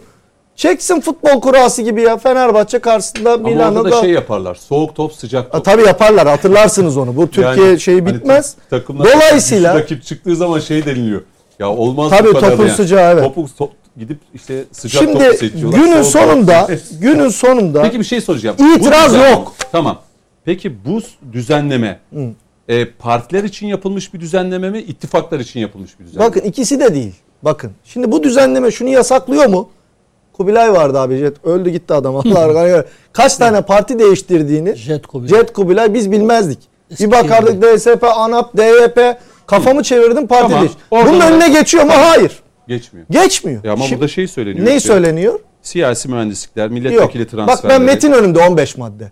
Bu ne getiriyor biliyor musun? Hatırlar mısınız? Futboldan bir örnek vereceğim. Mesela bir teknik direktörün ya da bir futbolcunun Evet. bir sezon içerisinde en fazla iki transfer yapma. Yok. Yok burada. Bak Burada ne yok. var burada biliyor musun? Ne yaptı? İyi Parti'nin seçime girme girmemesi de biri de benim arkadaşım. Afyon milletvekili CHP'den. Bir 20 kişiyi transfer ettiler CHP'den ve mecliste bir e, basın hocasında bir e, briefing verdiler. Hatırlarsınız hepsinin yüzü bir karıştı. Ya niye parti bizi 20 kişi buraya tırnak içinde aşağı huzurdan e, koyun gibi gönderiyor diye. 20 kişiyi verdiler. Grup kurdular. Grup kurmakla seçime soktular İyi Parti. Onun önüne geçiyor. Şu an Tamam. Türkiye'de İyi Parti'nin veya herhangi bir muhalefet partisinin e, e, seçime önemli. gir Daha önce hükümetler düşüyordu böyle. ya bakın düşer. Bu seçime girmekle ilgili bir şey. Anladım. Seçime girmeyi konuşuyoruz biz. Gelelim. Teşkilatlanma diyor. 81 vilayet var. E, illerin yarısında diyor. E yine aynısı. 40 il. Bir ilde diyor Kongrelerini yapmamış, yapmış. Ha, seçime girecek. münhal hale gelmek diyor. Yani üst üste iki büyük kongreni Tamam, yapmamış. bunu anladım. Yani hiçbir şey yok. Hiçbir şey Sözün özü. mutlaka bir şey vardı. Mesela benim aklımda Hukuki açıdan itiraza kabil böyle hani şunu diyorlar ya bizi seçime sokmuyorlar. Hmm. İktidar kendi idamesini sağlamak için Muharrem Erken'in tweet'i burada. Acaba iktidarımızı koruyabilir miyiz düşüncesiyle seçim kanunu geldi. şunu söyleyeyim. Mesela seçimde, son seçimde, Mügalata. seçimde 0.3 oy, oy alan bir partinin bu seçim kanunu teklifiyle birlikte ittifakları da düşündüğümüzde Bakın ne yapacak? bunların Çok bir önemi var mı Ya artık? bakın bakın yine var. Niye? Siz bakın ne diyorsunuz? Ben ittifakın önünü açtım ve tüm Türkiye'de şu an %10 ya ittifak. Evet. %7'yi getirdim diyorsunuz. Tamam. Dolayısıyla Cumhuriyet Halk Partisi ana muhalefetin başı. Onun İttifak çatısı dışında seçime altında girecek olan parti %7'yi geçmesi Evet. lazım Türkiye genelinde. Zaten ama bunu- İttifakın içerisine girerse seçim barajı diye bir şey Yok demek Tamam. ki gene vaveyla edecek, bağıracak, çağıracak bir şey yok. 0.7 de alsan. Evet. Şu an Saadet Partisi'nin milletvekili hangi partinin listesinden girdi? Ya biz kimi kandırıyoruz? Kendimizi mi kandırıyoruz? Cumhuriyet Halk Partisi'nin listelerinden mütedeyyin kesimin partisi girdi vekil çıkardı. Doğru mu? Büyük Birlik Partisi Sayın Destici nereden geldi? Dolayısıyla Büyük Parti. 2018'de gelen ittifak sistemi yine var. Onu 7'ye indirmiş. Anladım. Aslında itirazı gerektiren demokratik anlamda muhalefetin mış gibi yaptığı, algıyı yönettiği hiçbir şey yok. Bakın ben 2002'den Tam beri... tersi de işine mi yarıyor diyorsunuz? Evet niye? Çünkü biliyor musunuz? Eline koz verdiniz. Nedir Doğru o? anlatamazsanız. Bakın siz çok yapmanız gereken şu. Şimdi Mehmet abi dedi ki ne oldu biz anlatamıyoruz? Ya anlatamıyoruz biz. Bir taraf çıkıyor diyor ki tweet atıyor. Gideceklerini anladılar son günleri. Öbürü diyor ki dört başlık için itiraz var. Neymiş? Parmağını boyayacağız. Seçim barajı 7 7 değil 3 zaten ittifak barajı var. E hakimi kim atamış? Kura çekilsin. Bak bir hukukçuya ben 2002'den beri Türkiye'de bütün seçimleri yönettim. Sandığından itirazına kadar. Tamam. Kimse, kimse bize itira, e, hikaye anlatmasın. Burada somut olarak itiraz edilebilir hiçbir şey yok. Peki nedir burada koparılmak istenen Evet. yaygara? Nedir? Siz Öyle bunu çok net söyleyeyim. Siz bunu iktidar olarak doğru anlatamazsanız, iktidar olarak yalnız ve sadece 15 tane maddeyi yazıp meclise kanun teklifi olarak gönderip muhalefetin elinde koz verirseniz ne oluyor biliyor musunuz? Gideceklerini anladılar bir vaveyla yaratıyorlar. Seçimi itiraz kaybetmemek adına- Ya itiraz başlıklarında Türkiye'de bir Allah için artık oy dışında o da Mazhar Hocam yaptı hesabı. Adalet ve Kalkınma Partisi AK Parti için 10 rey, Milliyetçi Hareket Partisi için 4 rey. CHP'de 7, İyi Parti'de 6 rey. Yani aynı değişen hiçbir şey getirmiyor size. Burada ne var biliyor musunuz? Son mükerrer kayıtlar yazılmasın. Muhtarlık seçimlerinde son seçmen kütükleri gelsin. Yenilikler olarak hani söylediniz. E, 7 kişiden müteşekkildir ilçe seçim kurulları gene 7 kişi. Biri hakimdir, iki memuriyedir gene aynı. Dördü siyasi partilerdir aynı. İl seçim kurulları bir yani artı sizin 2'den anlattıklarınızdan bir aynı. seçim barajı 7 Evet. sembolik ittifakların içerisine giden Bir partiler tek için- artık oy yok. Artık oy da dediğiniz işte o Masar hocamın 10 artı 4 dediği. E, diğer taraftan da Cumhuriyet Halk Partisi'nin ve İyi Parti'nin 7 artı 6 oya tekabül eden bir tarafta 14 bir ittifaktı. Diğer Hmm. tarafta 13'e tekabül eden günün sonunda hiçbir şeyin değişmediği ama şu 15 madde üzerinden fırtınalar koparıldığı bir seçim kanun Peki. teklifi. Bu ne olur? Bunlar daha iyi bilir Mehmet abi. Mecliste önce komisyona gelir. Komisyondan genel kurula gelir. Bu var ya eğer eğer 3 kere 5 kere 10 kez değişmeyecekse ben susarım. Peki. Bu çok değişecektir. Toplumda bunu doğru anlatmak lazımdır. Topluma şunu empoze etmeye çalışıyorlar. Gideceklerini anladılar. Kanunla kaim olmaya çalışıyor. Hayır. Türkiye Cumhuriyeti Devleti demokratik bir devlettir. Anayasanın ikinci maddesinde ifadesini bulur. En demokrat insan da bunun bedelini ödemiş. Recep Tayyip Erdoğan'dır nokta. Peki. Sayın Metiner, Cem Kaya'nın söyledikleri.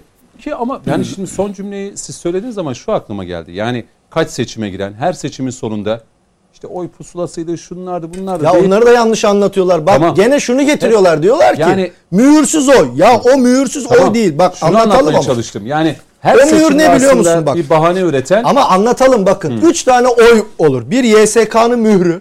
iki il seçim kurulunun mührü. Üç ilçe seçim ve sandık kurulunun mührü. Birinci mührü var zaten basamazsın. İkinci mührü var. Üçüncü mühürde sandık kurulu başkanı mührü vurmuyor. Mehmet Metiner'in, Coşkun Başbuğ'un, Cüneyt Özdemir'in oyu geçersiz olacak ha. Ya böyle bir hukuk var mı? Bunlar gökten mi geliyor bu oylar? Zaten sayısı adedine kadar çuvaldan çıkıyor. Yok muhalefet bunu şey yapıyordu işte. Bakın algıyı şöyle yönetiyorlar. Mühürsüz oylarla seçim kazandılar. Evet. Mühürsüz oylara referandum kazandılar. YSK tarafgir yanlı karar verdi. Velev ki Çıkıp da bağıra bağıra bunu feryat eden tek kişi benim. Mühürsüz oy bu. Diyorum ki Yüksek Seçim Kurulu'nun mührü varsa, İl Seçim Kurulu, ilçe seçim kurulu mührü varsa ve bunlar çuvaldan çıkmışsa adetle sayıyla tüm siyasi partilerin temsilcilerin önünde imzalanmışsa ve bu oyun içinde son sandık kurulunun vurmadığı mühür varsa benim irademi nasıl siz bertaraf edebilirsiniz ya? Demek ki bunu da doğru anlatmak Anladım. lazım. O zaman şu oluyor. Velev ki bu seçim düzenlemesiyle birlikte ki Evet. e, 2023 Haziran'da Mehmet Metiner gideceğiz. Cumhur İttifakı kazandığı zaman da bu sefer şunu mu diyecekler? İşte bak Evet. Bir Hazır. yıl önce bu düzenlemeyi Bravo. yaptılar. Çok güzel. Daha önceki seçimlerde işte örneklerini Bravo. verdik. Çok güzel. Yine bir bahane. Hatta şöyle de konuşuyorduk. Hatırlayalım birkaç hafta öncesinde programlarda. Ya 2023 seçimine Coşkun Başbuğ da söyledi. Her açıdan kritik. Batı medyasında bazı şeyler çıktı. Ee, Erdoğan kaybetse de kazansa da e, İş Türkiye şaibi. karışacak. Şöyle olacak. Böyle iç karışıklıklardan hep e, Türkiye'nin seçimi kazanan da kaybeden açısından da zor bir süreç Türkiye açısından bekleniliyor diye yorumlar yapıldı. Şimdi bu seçim kanun teklifi çok da bir şey değil diyor. Muhalefet niye bu kadar vaveyla yapıyor Ve diyor. bilgiyle söylüyorum ben Ha, Mehmet yani- abi. Yanlışsa al, tasfiye Bilmiyorum buyurun. Buyurun. Şimdi Yo, yani pası size atayım. kanununu- Sizin dikkatinizi çekenler var mı? Eksik kanununu- gördüğünüz var mı? Seçim kanunu çok iyi özümsemiş. Ben çok da güzel anlattı yani. Tebrik ediyorum kendisini. Bu mühürsüz oy bu şekilde anlatılsa var ya. Mehmet abi. Ben anladım. Ben anladıktan sonra herkes anlar sana söyleyeyim yani. Yani o gün anlatılamadığı için sahte olayla ya, oylarla sanki. Bu kadar basit oylar, ya. O kadar ne yaptı? Yani oy sayısı belli, belli. o sandıkta kullanılan oy belli. Fazla fazla yok. Siyasi partilerin evet. gözlemcileri orada. Ama biz bunu bile anlatamadık. Anlatamadık. Bravo. İki. Şimdi benim için önem arz eden iki şey var. Hı hı. Bir, %10, %7'ye iniyor. 2. Artık oylar. Evet. Adalete temsil sistemine zarar veren e, bu oylar iptal ediliyor. Şu artık oyları da Tabii Mehmet abi de oylar da açıklayayım. Buyurun. Buyurun. Hani izleyicilerimiz Tabii. için artık oylar. Teknik tabi. Mesela Elazığ'dan örnek vereyim. Normalde şu an Elazığ'da MHP'nin bir milletvekili olması gerekiyordu. Evet. Çünkü MHP'nin almış olduğu oy e, CHP'nin almış olduğu oylardan farklı e, fazla ama CHP ile İyi Parti ittifak yaptığı için Gürsel İyi Parti'nin oylarıyla CHP'nin adayı milletvekili seçildi. Gürsel Erol değil mi? Adıyaman'da HDP'nin aldığı oy, HDP adayının almış olduğu oy, CHP adayının almış olduğu oydan çok daha fazla.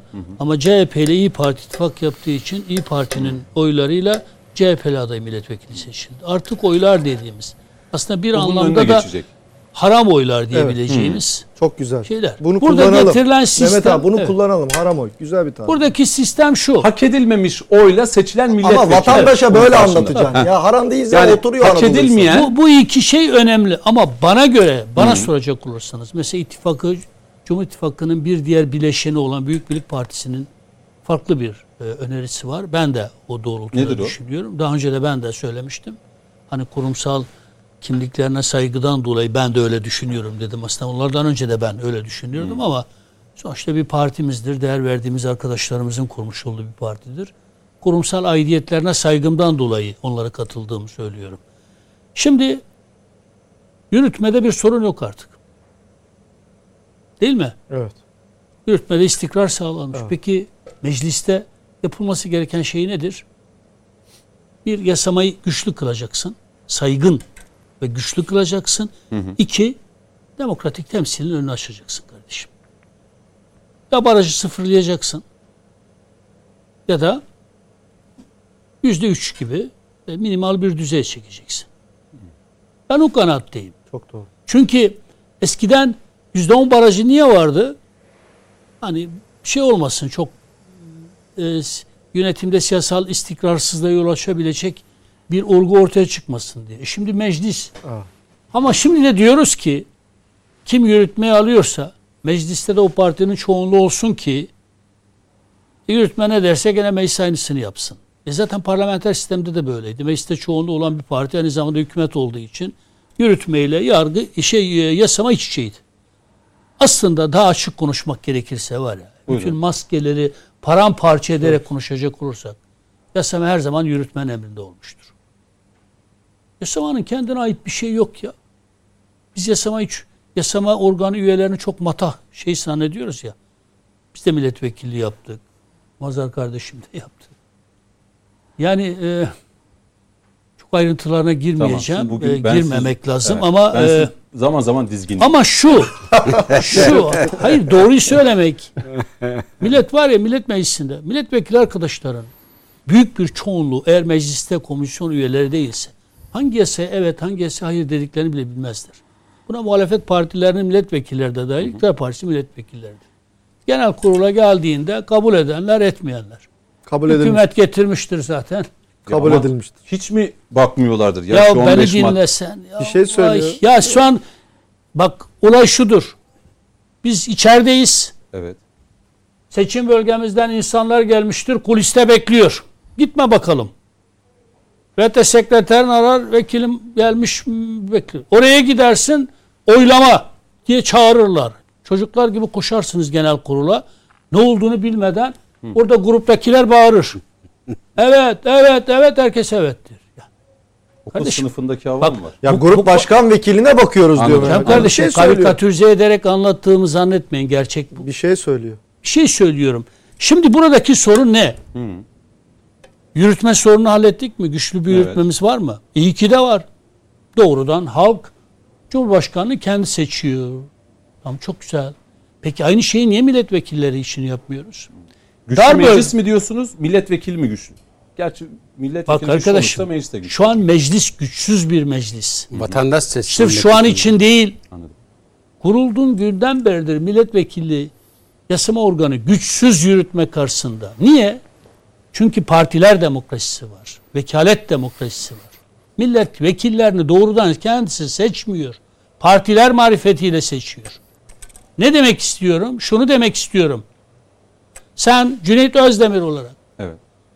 Edirne'de sevilmeyen bir insan bile olsan X partide en tepedeki insanı ikna etmişsen onun için gerekli bir insansan parti içinde de ona lazım bir insansan seni partisinin listesine koyar. Millet de gider partisine Araya oy verdiği için sen de seçilirsin. Sen de seçilirsin.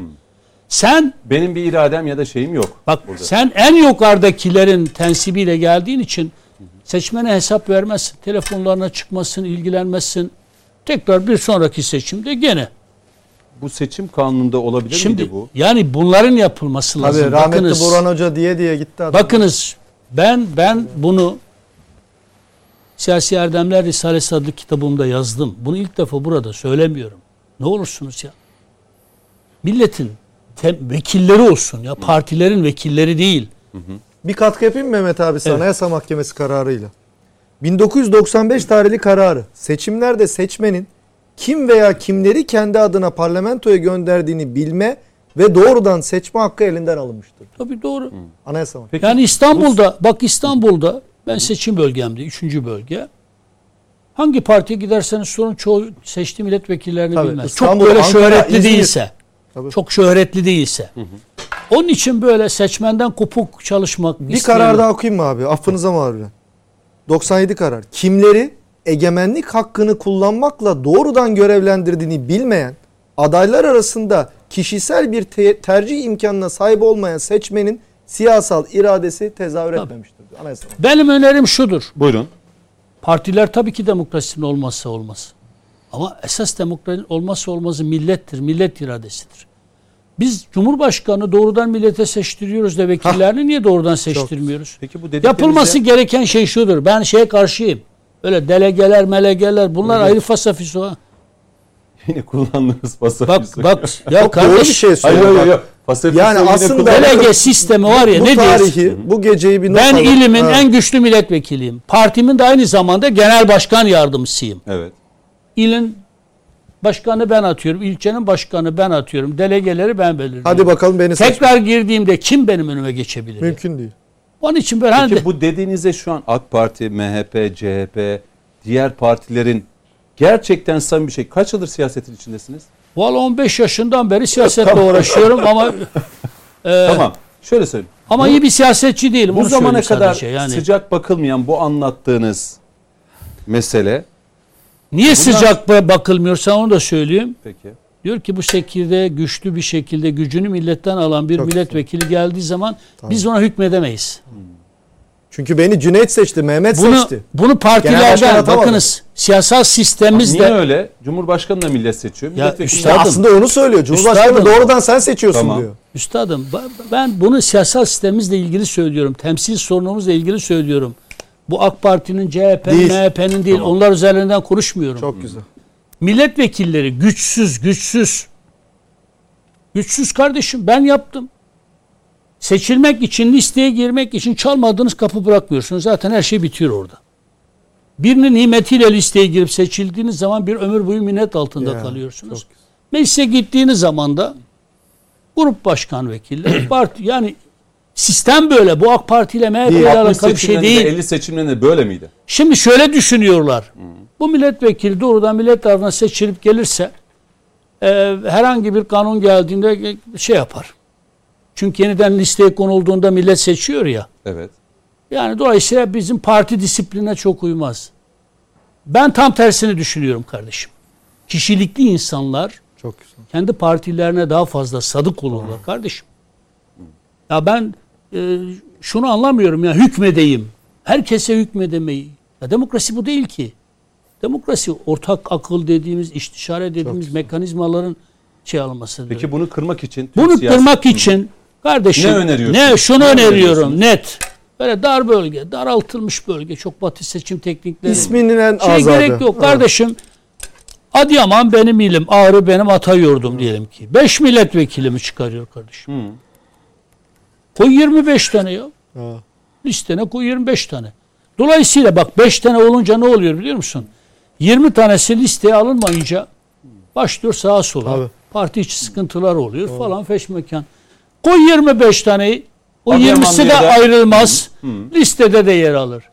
Ha iki, bir Cüneyt Özdemir dedin. Hiç önemli değil ki. Bir de olman.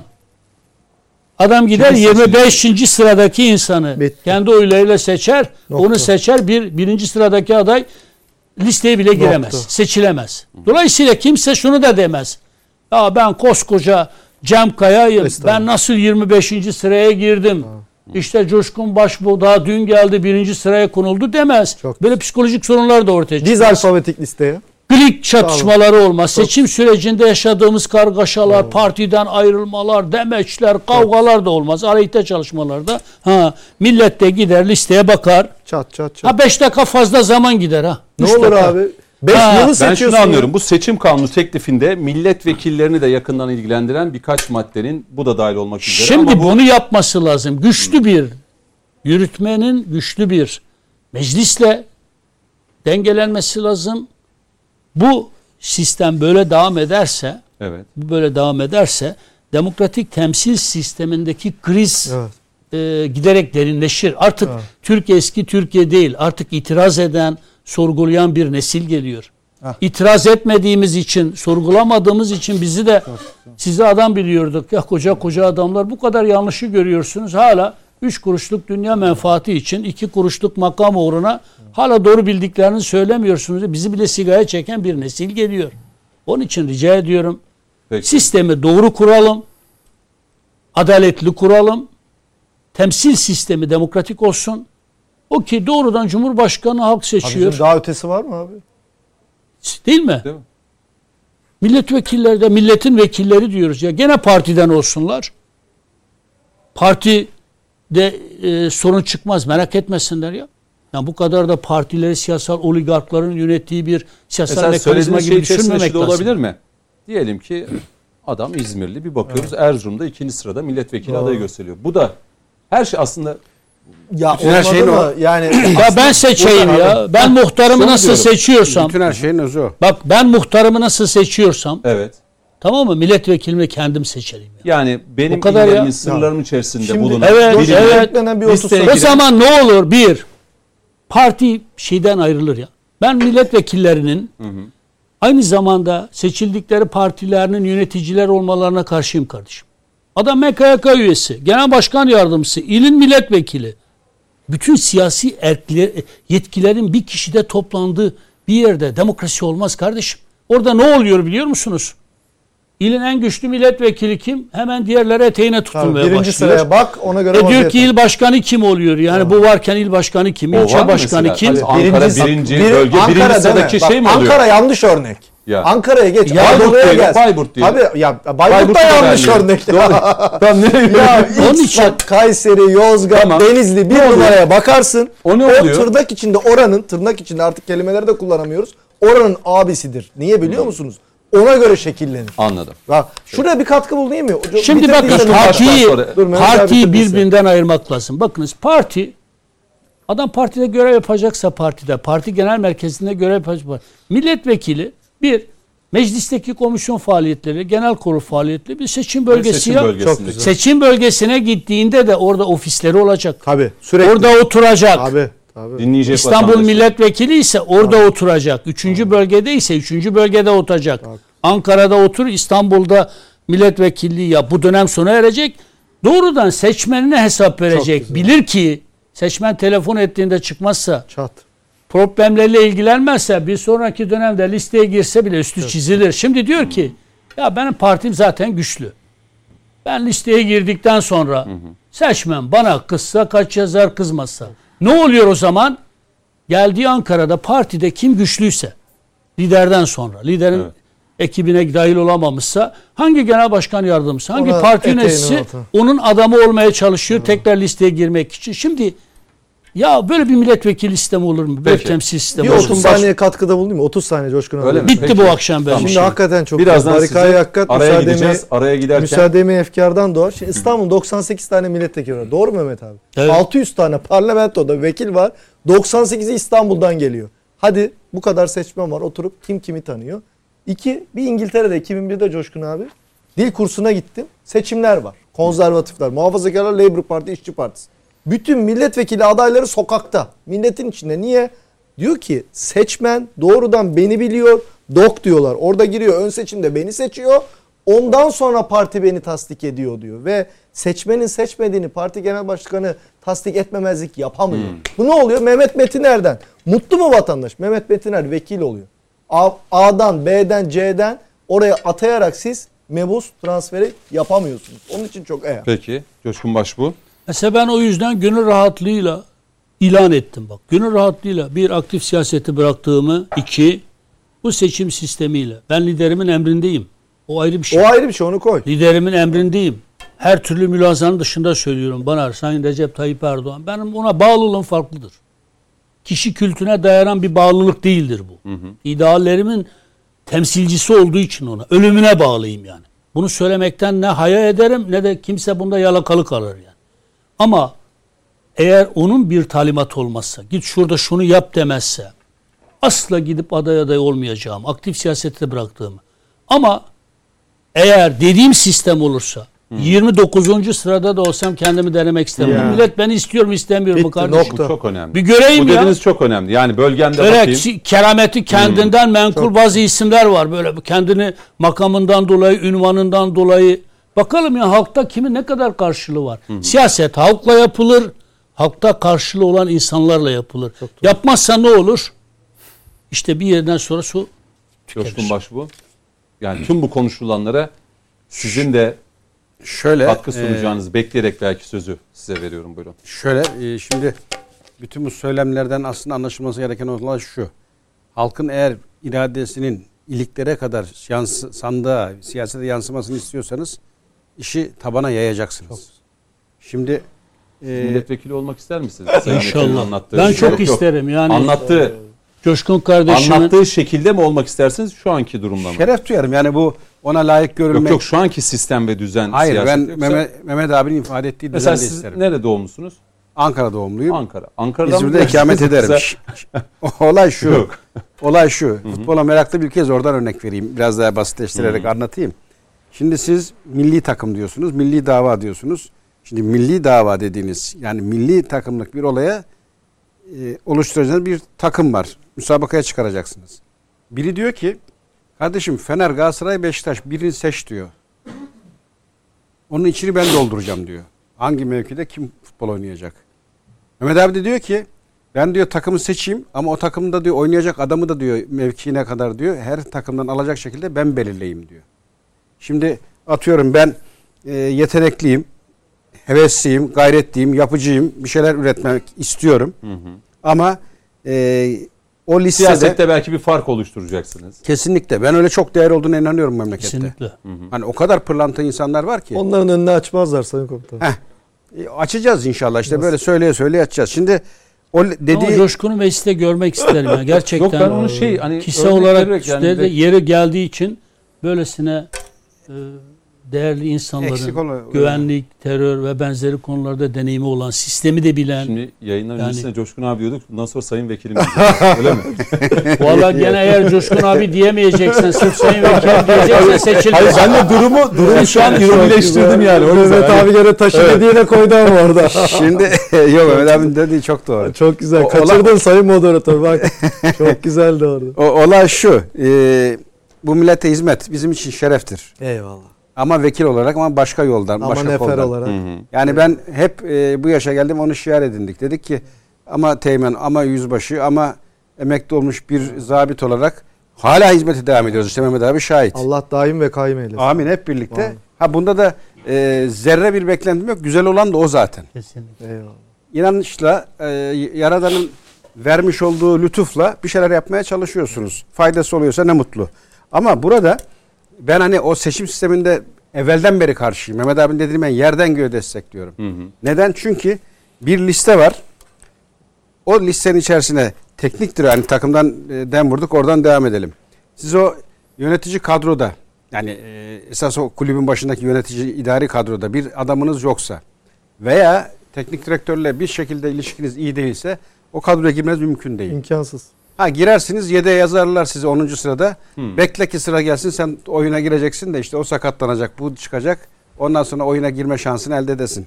Ha bunun doğrusu ne? Bunun doğrusu iki oylama. O nedenle Mehmet abinin o dediğini çok kıymetli buluyorum. Partiyi oyla, takımı oyla ama aynı zamanda o takımda e, e,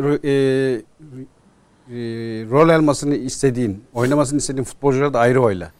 Orada işte listede ön sıra, 6. sıra, 5. sıra lafları geçmesin. Şimdi bu söylediklerinizin e, ışığında ben de şöyle baktığımda hani e, son e, 20-25 yılda siyaseti yakından takip eden bir Tabii. genç kardeşiniz olarak öyle söyleyeyim.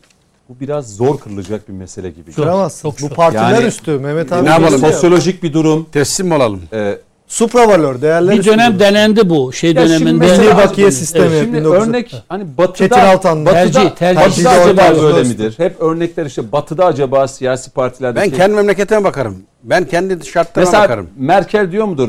Kuzey Westfalia eyaletinden ilk 5 sırada ben şu isimleri milletvekili olarak parlamentoda orada Alman meclisinde görmek istiyorum Almanya'nın, diyor. İngiltere'nin, ABD'nin e, e, denklemleriyle oranın dinamikleriyle Türkiye'yi kıyaslamayın. Tabii Çok orada farklı. lobiler Evet, değil mi? bizim Şeyler şartlar bambaşka. Yani bizim şart Anadolu insanı gerçekten e, ufuk ötesi olan bir e, Kesinlikle. insan. Feraset Yani ben var. partilere müracaat eden herkesin listeye girmesi gerektiğini söylemedim yani. Ayrıntı açıklama vaktimiz olmadığı için her partinin kendi kriterleri vardır. Mutlaka. Diyelim ki 50 kişi müracaat etmiştir. Bunu 25 kişiye indirirsiniz.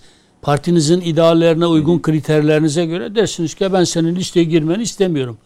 Ama sırf 5 kişi seçildiği için 5 kişi koyduğunuz zaman olmuyor. Bırak ya 25 kişi koy insanlar gitsin vatandaş tercih etsin.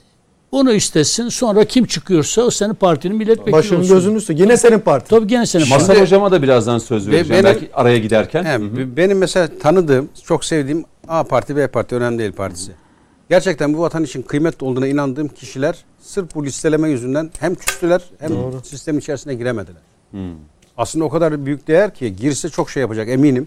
Ama öldür Allah o ortaya E, çıkabiliyor değil mi? küskünlük- bu? e, küskünlük bu, bu oluyor. sistemli. Şu anki şeyle. elbette Sayın Metin dediği gibi yani 5 kişi koyacağını koy 25 kişiyi. Kırgınlık- Kendi aralarındaki rekabeti yapsınlar. bitti. Yani halk oylasın ya. Halk desin ki Erzurum'dan 4 kişi var. Ama ne oluyor? İşte parti içinde delege belirliyor. Ya da işte E genel tabi, başkan e, değil mi? tabi sen şimdi Ya zaten bu. Çarşaf listeler işte hemen oluşuyor. Hani Birleşmiş Milletler şu bu nasıl diyorsa Çarşaf dersen yeniden yanlış. ele alınmalı Çarşaf diye. doğru tabir aslında. Çarşaf öyle mi? olması gereken. Peki tamam. Çarşaf Mehmet abinin dediği. Orada Peki. yazıyoruz. Öbürü blok liste.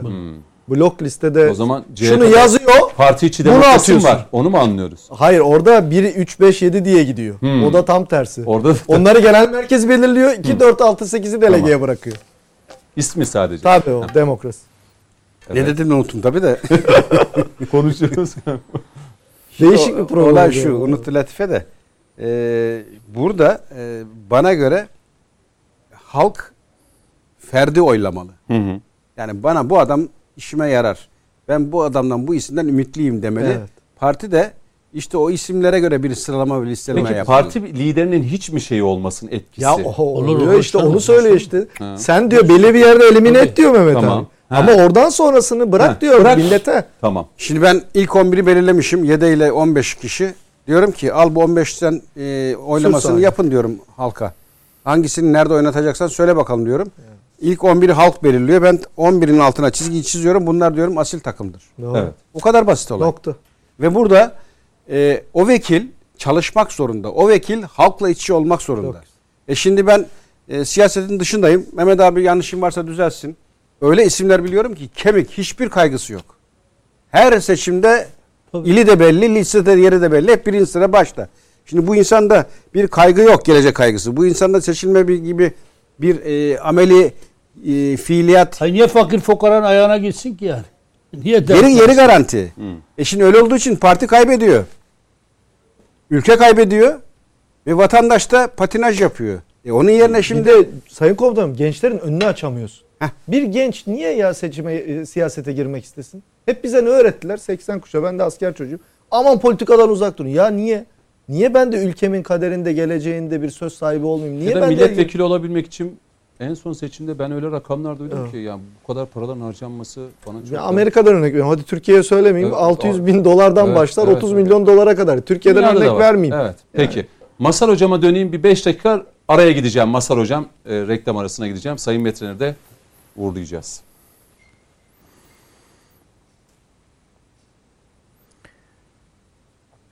Masar hocam beni duyabiliyor mu?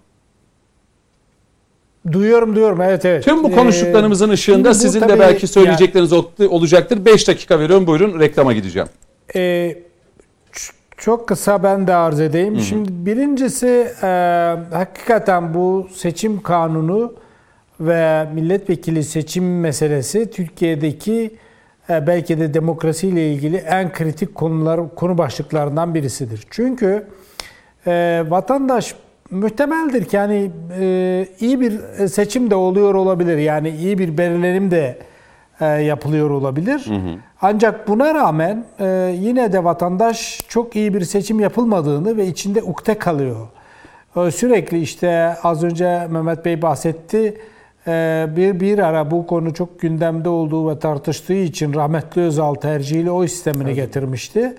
E, Ve hemen bir sonraki seçimde bunu iptal ettiler. Özellikle deniliyor ki parti içerisindeki bazı aktörler, güçlü aktörler yani kendisine güç atfedilmiş olanlar yani kendisinin e, bir güç e, e, merkezi olarak ortaya çıkmış olan aktörler değil, birilerinin ona atfettiği güç dolayısıyla bir varlık ortaya koy- koyan aktörler bunun sağlıklı işlemediğini ya da daha doğrusu bunun işletilmemesi gerektiğini düşünerek bundan vazgeçtiğini söylüyorlar ve bundan e, bu e, sistem değiştirildi. Bu Türkiye'nin e, benim de bütün bulunduğum ortamlarda konuşulan hemen hemen bütün partileri için gündeme gelen temel yani partiler derken parti seçmenlerini daha çok kastediyorum. Gündeme gelen bir mevzu. Yani Cumhuriyet Halk Partisi seçmenlerinde de zaman zaman duymuşluğum vardır. Mesela son zamanlarda biliyorsunuz daha ziyade e, e, Sayın Kılıçdaroğlu belli bir kliği partiye egemen kıldı ve deniliyor ki biz o kliğin dışındaki insanlar partide bir varlık gösteremiyorlar. Ya da diğer partiler için aynı şekilde e, e, halkın istediği adaylar belirlenmiyor. Şimdi bu belki de böyle değildir. Ama madem ki toplum böyle düşünüyor, bence partilerin buna bir tedbir almaları gerekiyor.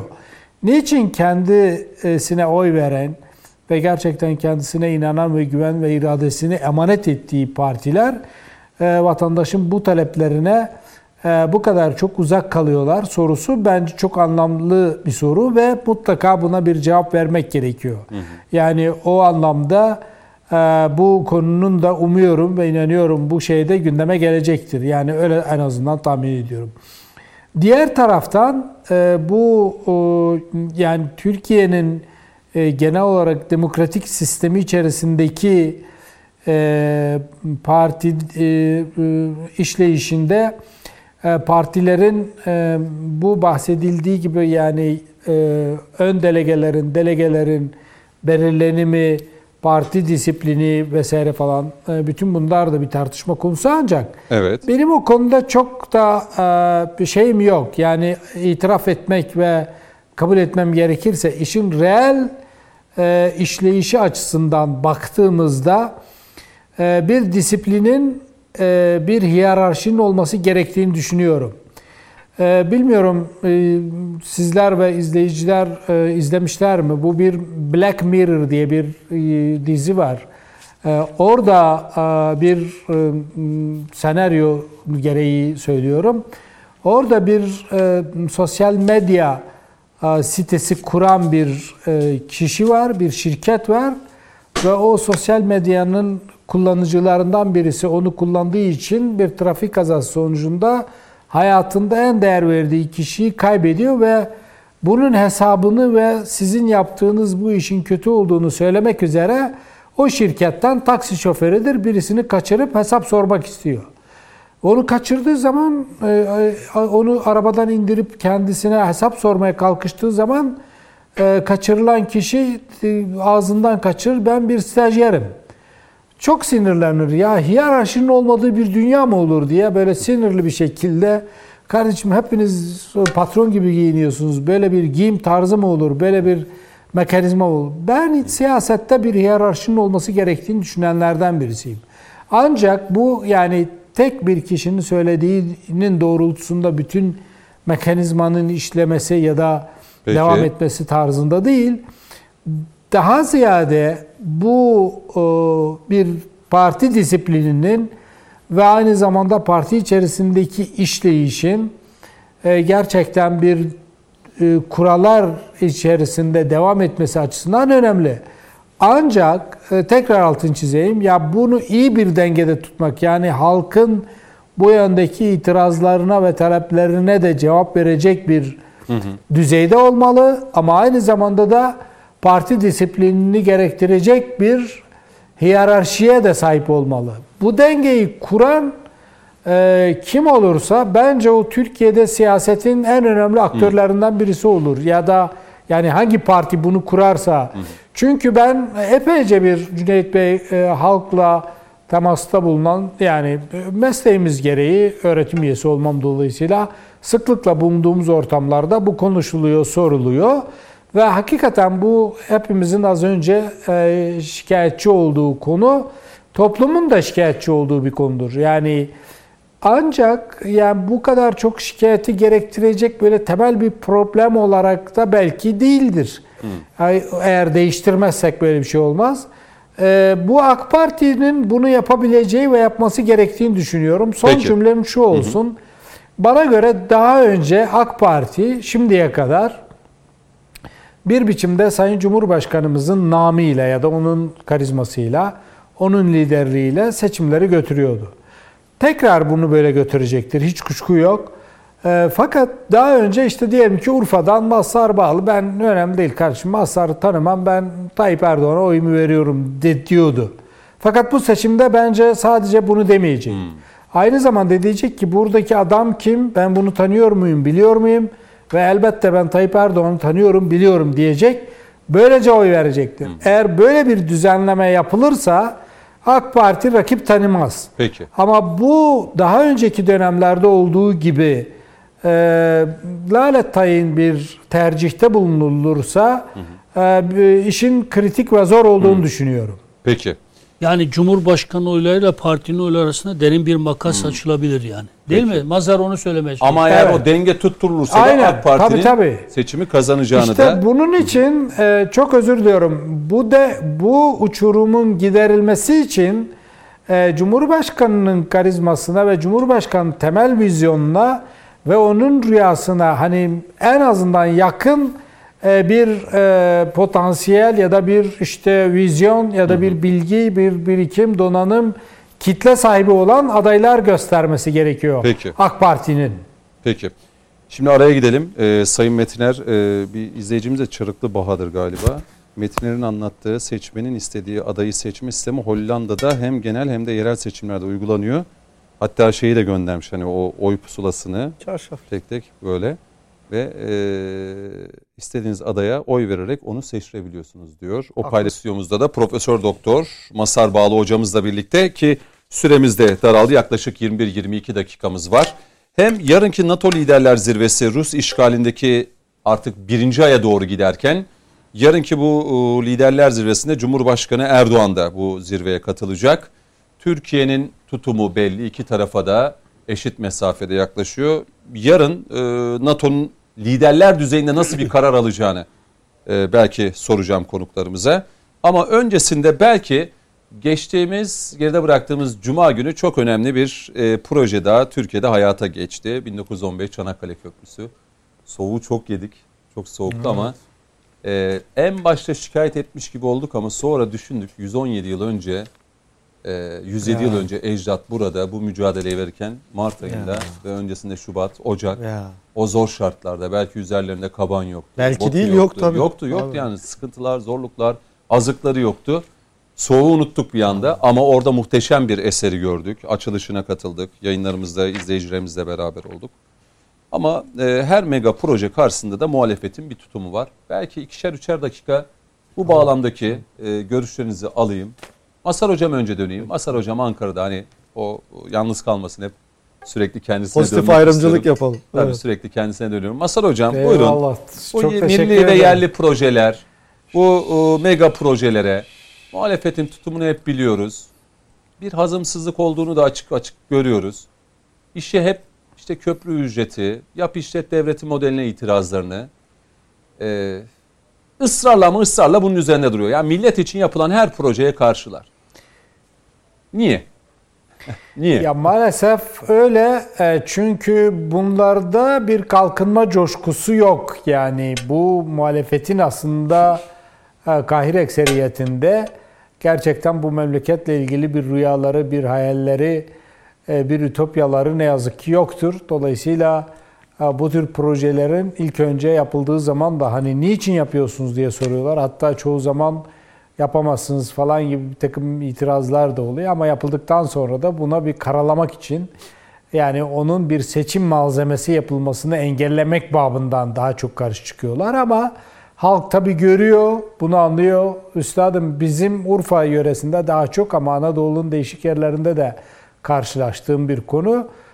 Altında su olan köprünün üzerinden geçmek insana şans getirir derler. Hakikaten bu çok büyük bir şans getirecek hükümete zannediyorum. Belki de biraz da bundan dolayı karşı çıkıyorlar. Benim kişisel olarak köprüler çok merakımı celbederler. Çok çeşitli yerlerdeki eski antik dönemlerden günümüze kadar köprü, köprü mimarisi ve köprünün icadı çok metaforik bir şey. Bir sembolik anlamı vardır. Ee, aynı zamanda da mekana dair insanların kurgusunda da çok önemli bir şey. Ben açık görüşteki yazımı da bunun üzerine kurmuştum. Ve çok e, gerçekten e, 1915 Çanakkale Köprüsü e, Türkiye'deki bir rüyanın gerçekleşmesidir. Türkiye'nin geleceğine dair çok altyapısının ve üst yapısının e, çok muhkem olması ile ilgili çok önemli bir parametrelerden birisi. E, Biz e, yurt dışına gittiğimizde diğer konuklarımız da büyük ihtimalle karşılaşmışlardır. Hakikaten e, bir yerden bir yere giderken çoğu zaman kıskanacak e, düzeyde oradaki ulaşım teknolojileri ve imkanlarını görerek keşke bizde de olsa diyorduk. E, ama şimdi hamdolsun e, pek çok başka ülkedeki insanlar gelip bize e, keşke bizde olsa diyorlar. E, bir örnek vereyim son olarak. Ben Stockholm'a gittim bir iki sene önce pandemi öncesinde. E, havaalanıyla e, şehir merkezi arasında yanlış hatırlamıyorsam 8 kilometrelik bir tünel kazılıyordu, yapılıyordu. Beni alan e, lisanstan benim arkadaşım dedi ki hocam e, Masar dedi biz burası dedi yaklaşık olarak 4 yıldır devam ediyor. topu topu 8 kilometre. İsveç yani hem de Avrupa'nın merkezi. Bütün dünyadaki yani huzur ortamının olduğu yer. Dedim ya biz yaptığımız en küçük bir kasaba yolunda bile her birisinde 18-20 kilometre tüneller var Türkiye. Türkiye'nin gücünü orada görmek insana çok gurur veriyor. Hı hı. Çanakkale Köprüsü de uzun asırlardır aslında birbirine el uzatan ve gerçekten de el sıkışan Doğru. E, iki kıtanın ve aynı zamanda iki rüyanın birleşmesi anlamına geliyor. Hı. Hayırlı olsun, gurur verici. Muhalefet bunun bu kadar büyük bir projenin iktidara karşı teveccühü değiştireceğini biliyor, görüyor. Çünkü e, karşıdan karşıya geçmek istediğinizde bu neredeyse e, 4 saate bazen mal oluyordu. Yani çok epeyce bir zaman alıyordu. Zamanı kimse satın alamaz Cüneyt Bey. En kıymetli hazinedir. Doğru. Yani 6 dakikada Çanakkale'nin karşısına geçmek ve yolculuğuna devam etmek müthiş bir konfor ve müthiş insana gurur verici, büyük, devasa bir Peki, proje. Peki şöyle olacak yani o zaman. Rakamlar, Hı-hı. sembolik şeyleri çok önemli ama Hı-hı. mühendislik harikası aynı zamanda. Tabii şöyle olacak hani hep karşı çıkılan ama daha sonra kullanıldığı zaman da ya iyi ki de Adamlar yapmış. Diyen, e, yani ben bunları çok duydum. Tabii. Çevremde de duydum. Yani muhalif olan belki Erdoğan'a AK Parti'ye oy vermemiş ama e, belki yapmış. muhalefetin diliyle karşı çıkılan bu projeleri e, yerinde gördükleri zaman. Ya, adamlar yapmış. Müsaade var mı? Devam edelim. Var çünkü e, yani muhalefet biz yayın öncesinde de konuştuk Cem Kaya'yla. Yani hep ya bu işte geleceğiz, bunlara el koyacağız, bunları kamulaştıracağız. Ya zaten bu kamunun. Zaten köprüler milletin, kimin? bu Bakın, ülkenin. Evet. Şimdi evet. hakikaten yayın öncesinde de konuştuk. Evet. Ben Yavuz Sultan Selim yani Köprüsü. Bu köprü sanki başka birilerinmiş evet. gibi. Patagon yollarını alıyorlar, götürüyorlar, hmm. müstefid oluyorlar, istifade ediyorlar, geri getiriyorlar. Şimdi Yavuz Sultan Selim Köprüsü'nden örnek vereyim. 4 yıl sonra tamamen hazineye tüm geliriyle ve varidatıyla birlikte intikal edecek. Fatih Sultan Mehmet Köprüsü keza işte e, Türkiye'nin şu an pek çok bölgesinde yap işlet devlet modeliyle inşa olunan bunlar muazzam eserler. Bir Avrasya Tüneli her geçtiğimizde inanın ben Kartal Adliyesi'ne duruşmaya giderken 2,5-3 saat yolda zaman kaybederken sayın hocam da arz etti. 45 dakikada Florya'dan Kartal'a duruşmaya gidebiliyorum. Osman Gazi Köprüsü 1,5 saatte Yalova Adliyesi'ne duruşmaya gidebilirim. Çanakkale 6-7 saat, 8-10 saat insanların çoluk çocuk arabada nefes alamadığı yaz saatte, sıcağında maksimum 3 tabii, saatte. E, geçebiliyorsunuz ve bir e, e, noktada bunu bir nereye getirdiler biliyor musunuz? Gazi Mustafa Kemal Atatürk üzerinden bir kavgaya getirdi.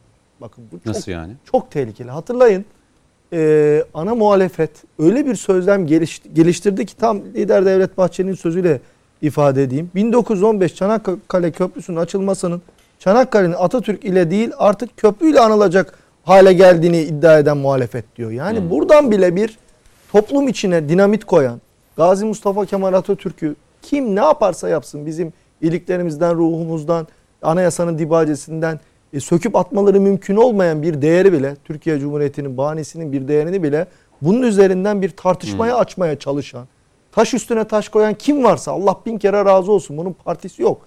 Bunun liderin ismi yok. Bunun muhalefeti yok. Bakın bir New York'ta Türk evi yapıldı ya. Gitsinler görsünler yani İngiltere'ye gitsinler görsünler.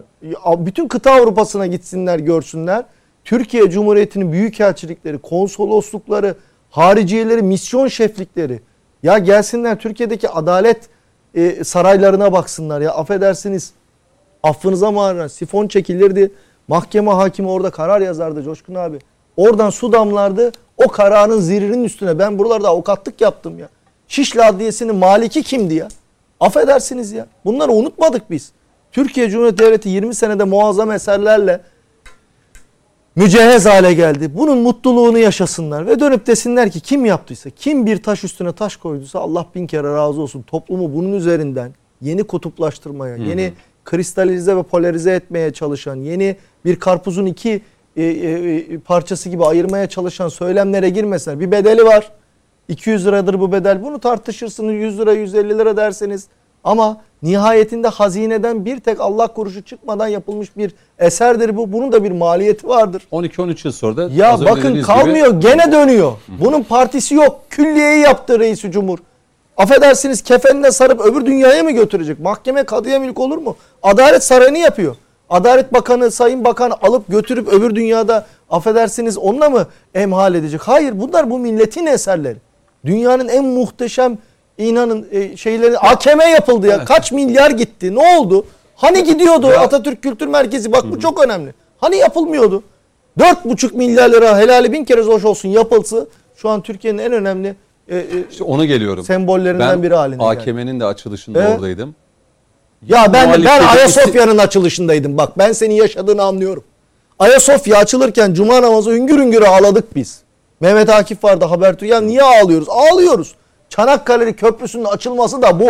Eğer senin yüreğinde zerre-i miskal bir vatan millet sevgisi, Türk İslam ülküsü varsa orada işte o üşüdüğün Doğru. titrediğin an dönersin 100 yıl önceki ecdada Mehmetçiğe o süngü tak yere yat var ya ben size savaşmayı değil emret ölmeyi emreden bir kumandan ve bir emirle ölüme ko- koşan askerler diyor Lord Kirnos. İşte biz onun için Ya Çanakkale'yi kaybettik. heyecanı yaşarken hatta Ya. şeyde Onun için üşümüyorsun Kendimi işte. öyle bir kaptırmışım ki yayında sürekli 5-6 tabii. saat ya- Onun için üşümüyorsun. ayaktayız.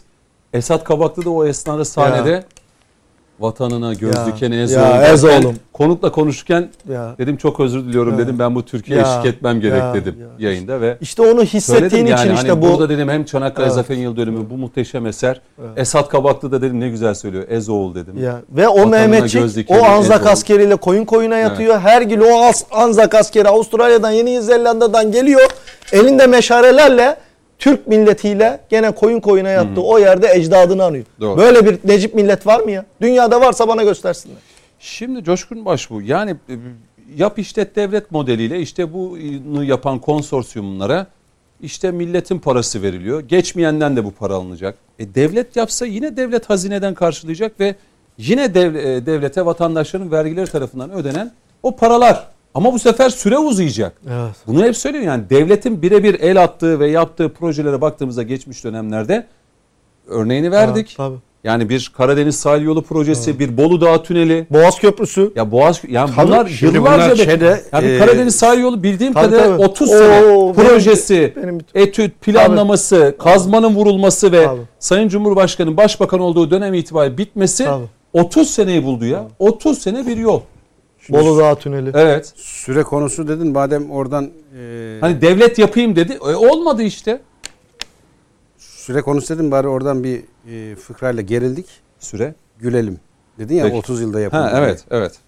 E, İtalyan, Fransız, ondan sonra İngiliz bizim Boğaz'da geziyorlar temelde yanlarında. Heh, ben dedim temel var mı diye. Kesinlikle var. İtalyan anlatıyor Eyfel Kulesi'ni şu kadar sürede yaptık işte şöyle büyük bir mimari ortaya çıkardık. İngiliz diyor o diyor bir şey mi diyor Londra Kulesi'ni işte diyor şu kadar ayda yaptık şöyle güzel bir eser ortaya çıkardık. Fran e, şeyde e, Fransız'da işte Eyfel'i anlatıyor. Biz şu kadar şöyle İtalya pizza kulesini falan derken. Ondan sonra bizim temele sıra geliyor. Boğaz Köprüsü'nü görüyorlar diyor. Siz ne kadar da yaptınız bunları diyor. Vallahi geçerken yoktu diyor. Şimdi o hesap öyle bir süratle yaptılar ki bu köprüyü. Ben isim vermeyeyim hadi. Doğru. Bir e, belediye muhalefet kanadından belediye iki bildiğin şehir içindeki iki caddeyi birbirine bağlayan bir köprü var. Köprü var yapılı. Sadece korkulukları bir tadilat alacaklar. Kaynaklar yenilenecek ve boyanıp tekrar yerine konacak. 3 ay geçti. Trafik tek şerit işliyor. Millet isyan ve Sayın komutanım Ortaya Yeşilköy'de çıkan- ofisim 2 yıldır kazıyorlar. iki, ortaya metre çıkan sokağa, hala hiçbir eser yapamadı. yok. Şimdi bu bahsettiğin cena yıkmaya programlanmış, kırmaya programlanmış bir kitle. Yani sen ne yaparsan yap muhakkak bir kulp bulup bir e, şekil İstemezük. takacaklar. Bakın İstanbul Havalimanı sürekli gidip geliyoruz. Ben her gördüğümde arabadan yapana hiç önemli değil partisi e, kimliği yedi göbek ötesine dualar ediyorum. Niye? Çünkü o gece o geldiğinde öyle haşmetli bir alan var ki orada. Dünyada örneği yok. Bir de inilemiyordu sayın komutanım. Rüzgar vardı, uçaklar Doğru. inemeyecekti. Bulgar Dünyada- hava sahasına geçecekti, öyle gelecekti. Hatırlarsınız. Dünyada, e, iyi hatırlıyorum. Dünyada örneği yok ve görüyorum böyle Japon, Alman, İngiliz, Fransız gelmiş hatıra fotoğrafı çektiriyor. Nerede? İstanbul Ya. Havalimanı'nda. Yerden yere vurdunuz. Yerden yere vurdunuz. Ve hani Allah gecinden versin e, iktidar bir şekilde yeni emanetçiye koltuğu devretse sırtına mı götürüyor orayı? Havaalanına alıp E götürecek. şimdi e, ben ilk kurayı çektim Gelibolu'ya. kutsal topraktır. O da bir Allah'ın lütfuydu bize. Koşa koşa gittim şehit toprağa. O zaman hanım İzmirli sürekli işte hafta sonları gidip gelmek durumundayım. Saatlerce kuyruk beklerdim. Ya. Tam gelirsin arabalar vapur doldu bekle derler. Haydi bir yarım daha. saat daha. Orada herkes selsefil araçlardan dışarıda piknik yapan işte 3-5 lokma bir şey yiyen Hmm. ve kuyruk bekliyorsunuz. O zaman ben o aklımla dedim ki ya kardeşim bu Boğaz Köprüsü, bu da Boğaz. Buraya ne yapılmıyor? Ya aklın yolu. O zamanki e, iradeler dediler ki ara çok açık, Yapılamıyor. kurtarmıyor, yapılamaz buraya. Hmm. Biz de inandık. E şimdi o bahsettiğim yere köprü yapıldı. Demek ki oluyormuş. E sayın komutanım Gölcük ya. Osman Gazi, Yalova. Körfezi dolaş Şimdi dolaş dolaş. Önümüzdeki seneyi düşünüyorum. Ee, yerli otomobil banttan inecek. Tok evet. Ne söylenecek? Muazzam izlesinler Sayın seyirciler. Olağanüstü videoları var. Büyük ihtimalle onun da hani Cüneyt, lansmanı vesaire. o kadar arsız, o kadar yüzsüz bir kitle var ki muhakkak bir kulp takarlar. Vites kolu der, farı der, egzozu der, bagaj küçük der. Milli Muharip Uçağı'nın Muazzam. çıkacak Allah uzun ömürler ihsan eylesin. e, o çocuğa Selçuk Bayraktar'a Allah ayağına taş Şimdi insansız Destan uçağı. yazıyorlar Yani, ve ses hızın e, noktasına getiriyor. Buralarda cidden e, Muazzam ya. Dünya Sayın onları Bahçeli de söyledi değil mi? Evet. Yani bu bu şeye artık son verin Tabii. bu hazmedememe ya. Ya şimdi Türkiye'yle bak, hemhal olun değil mi? Şunu söylemek Üzüntüyle, istiyorum. acısıyla. şunu söylemek istiyorum. Ben muhalefet yapmaya kalkayım. Hı hı. Eğer birazcık onurum, birazcık şerefim, birazcık hani iki kemiğin üst üste durduğu omurgam varsa derim ki kardeşim iyi kötü de her yerden işte bir şekilde bir kulp takıyoruz, bir şekilde aleyhinde konuşuyoruz. Ama bunu artık hani insaf söyleyip de kendimizde küçük duruma düşürmeyelim. Yani yiğidin hakkında vermek lazım. Veya hiçbir şey yapmıyorsan sus. Sus. Bak hiçbir şey bilmiyorsan sus. O da yok. Ve ne dediler biliyor musun bu köprüye? Bir muhalefet kanalı Halk TV herhalde. Orada çıkan başına da prof koymuş biri. Bu nasıl dediler? Eser siyaseti yapılıyor dedi. Yazıklar. olsun. Bak şeytanın aklına gelmez ha böyle bir yakıştırma. Eser siyaseti yapılıyordu. Sen o konuya girdin de Yapılabilir yani. diyecek hayır Musluk diyor ki çeşme de açılıyor. Ama içinden su akmıyor. O da bir eser Zaten siyaseti. musluk açıyorlar çeşme. Yo yo hani Doğru söyledin. Başka bir şey açamıyorlar. O da bir eser Hayır siyaseti. hayır açtı ya. Evet. Sayın Kılıçdaroğlu çeşme açtı. Çok güzel örneği verdin. Taşı gediğine koydun. şimdi Açsın e, çeşme açsın. eser siyaseti dedi donduk ekranda. Ama siyaset Ya dedik, eser şeytan- bırakmak değil midir? Ya Yani ecdat bırakmış. Ayasofya'yı, Topkapı'yı, Sultanahmet'i, Selimiye'yi ya bırakmış. Ne oluyor? İşte bunlar bu, bu kaç yıllık ya Sayın Komutanım? Birinci Ordu Kışlası nerede ya? Selimiye'de. Kaç, Şimdi- yıl- kaç yıldır orada? FETÖ'nün e, yaşadığım bir hadiseyi anlatayım da bu yapının onunla nasıl ör- Zamanımız çok dar. örtüştüğünü bilin. FETÖ İngilizce çok biliyorsun. Hani iki tane siyahi çocuğu ekran çıkarıp merhaba Türkiye Üsküdar'a giderken söyleyince bütün Türkiye zannetti ki Afrika'nın alayı Türkçe öğreniyor. Kıta Müslüman olacak. Aslında arka planda işleyen e, bir İngilizce mekanizması vardı. Haftada 32 saat İngilizce, 4 saat Türkçe. O Türkçe de işte bu merhaba Üsküdar'a giderken bunlar. Şimdi ben bunu çok ifşa ettim o dönemde bu FETÖ'yle savaşırken. Bir gün okulunun bir müdürü geldi bana. Hiç bahsetmedik kem- e, kimliğimden, kendimden. Nedir dedim işte yardım do- topluyor. Ne yapacaksınız dedim parayı. İnsan laboratuvarı yapacağız dedi. İngilizce mi? Evet dedi. Dedim bak her şeyi takdir ediyorum. Türklük Müslümanlık yayılıyor. Dökülsün diye. Ama dedim oraya takılıyorum ben dedim ya. Sizin Türklük Müslümanlık yayarken İngilizce işiniz ne dedim ya. Onu dedim ben öldür Allah çıkamıyorum işin içinden. Dedi ki kendimizi anlatmak için dedi Türklüğü e, İngilizce öğrenmek zorundayız dedi.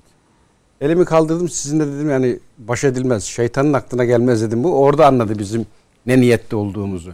Şimdi öylesine çıkışlar var ki bu eser siyaseti gibi şeytanın aklına gelmez. Bunlar bir yerlerden böyle üretilen laboratuvar çıkışları Evet, ki o da öyleydi. doğru. Ben eleştirdikçe, iplik pazara çıktıkça Pensilvanya'dan Amerikan ağzıyla bu karşı savunmalar, tezler çıkıyordu ortalığa. Ben bunu hep birebir yaşadım. İşte o bahsettiğim kendimizi anlatmak için İngilizce öğrenmeliyiz çıkışın arkasında da bu vardı. E şimdi eser siyaseti e, gerçekten e, bakıyorsun konuşan kişiye prof yazıyor ya başında. Şaka Ama değil. siyasette de vaat ettiklerin ve yaptıkların eserlerle yani bir şey vaat edersin, bunu yapacağım dersin, yaparsın. Vatandaş da sandığa gider. Der ki ya yattı. bravo der. Zaten o bahsettiğim Oyu tekrar eserler alırsın yine iktidarına devam edersin. Bu ülke eserler kazandırmaya devam edersin. bu bahsettiğim cenah bu gü- güruh her ne kadar öyle dese de merak etme tabanda çok büyük takdir var. Yani bakın ben Cumhuriyet Halk Partisi dahil şu an tabanda benim duyduğum laflar şu. Ee, eleştirsek de muhalefet de etsek e, eğer bu iktidar giderse duman oluruz. Kanı bu artık yavaş yavaş oluştu. Yani bizimkiler bunlar asla bu işlerin altından kalkamaz. Dış siyaset, içte yapılanlar. İşte söylüyor hocam kazının Bitireceğim. şeyini söylüyorum ben köprünün 3 aydır sadece boyama yapılamadı. Trafik tek kanat işliyor millet isyan ediyor. Ya o ara e, koca Çanakkale Boğazı Köprüsü bitti ya. Dolayısıyla Yazık. hani o kadar çok eser var ki İstanbul Havalimanı e, Boğazı alttan tünelden geçtik. Onu hiç kimse görmüyor. Ama herkes de kullanıyor. Boğaz Köprüsü de öyle olacak. Belki şöyle bitirelim. Ee, Cem Kaya da bunu söylemişti. Masar Bağlı da anlatmak, anlatabilmek doğru şekilde. Şimdi bir tarafta bunlar yapılıyor. Bir tarafta da ben tabelalarda şunu görüyorum. Dünyada 10 metroyu aynı anda yapan Tabii, şehir. Ama 10 metroyu da aynı anda açtınız mı, hizmete mi soktunuz vesaire. Yani Metroları kim yapıyor? işte yani kafalar öyle güzel karıştırılıyor ki bunu bunu doğru anlatabilmek önemli. ya bizim mühürlü Evet. mühürsüz oy gibi işte. Evet, Bak mühürlü Mehmet abi bile gibi. ne dedi? Ya Hı hı. bile o 3 saniyede Ya, anlamadı. saniye. Ama e, İşte. Sayın Erdoğan'ın şu çıkışı da önemli. Biz e, kulağımızı gözümüzü kapar işimize bakarız. Peki. Takdir Allah'ındır, takdir Şimdi milletin. yarını Tamam. bekleyelim. Hani şimdi ne olacağını ne ne söylesek belki şu anda e, boş demeyeceğim de e, yarınki NATO liderler zirvesi sonrasında. Türkiye'nin tutumu, liderlerin Ukrayna Rusya Sürpriz çıkmayacak, ben alacağı söyleyeyim. karar. Vakit varsa bir Bunu sayın göreceğiz. komutanın bir 30 saniye Yok. yok mu? Yok. E, yönetmeni Merak bitirelim dedi. Sürpriz çıkmayacak. Aynı siyasetin devamı niteliğinde açıklamalar duyacağız. Ankara'da Profesör Doktor Masar Bağlı'ya teşekkür edelim. Karatay Üniversitesi öğretim üyesi. Hocam çok teşekkür ederiz. Ben Sağ olun. teşekkür ederim efendim. Ayağınıza Sağ olun. sağlık. Ağzınıza sağlık. Cem Kaya çok teşekkür ederim. Ben de teşekkür ediyorum. Böyle kıymetli hatiplerle aynı ortamda olmak bizim için şereftir. O Keyif aldıysak ait. ne mutlu bize. Ee, Coşkun Başbuğ teşekkür ederim. Ben Mehmet teşekkür Metin'e de teşekkür edelim. Önümüzdeki hafta e, konuşmak lazım da yeniden birlikte olmak ümidiyle. Birazdan sert sorular var. Taha Hüseyin Karagöz konu Hüdapar Genel Başkanı olacak değerli izleyenler. Programın tekrarı ise bu gece TVNet ekranlarında olacak. Hoşçakalın.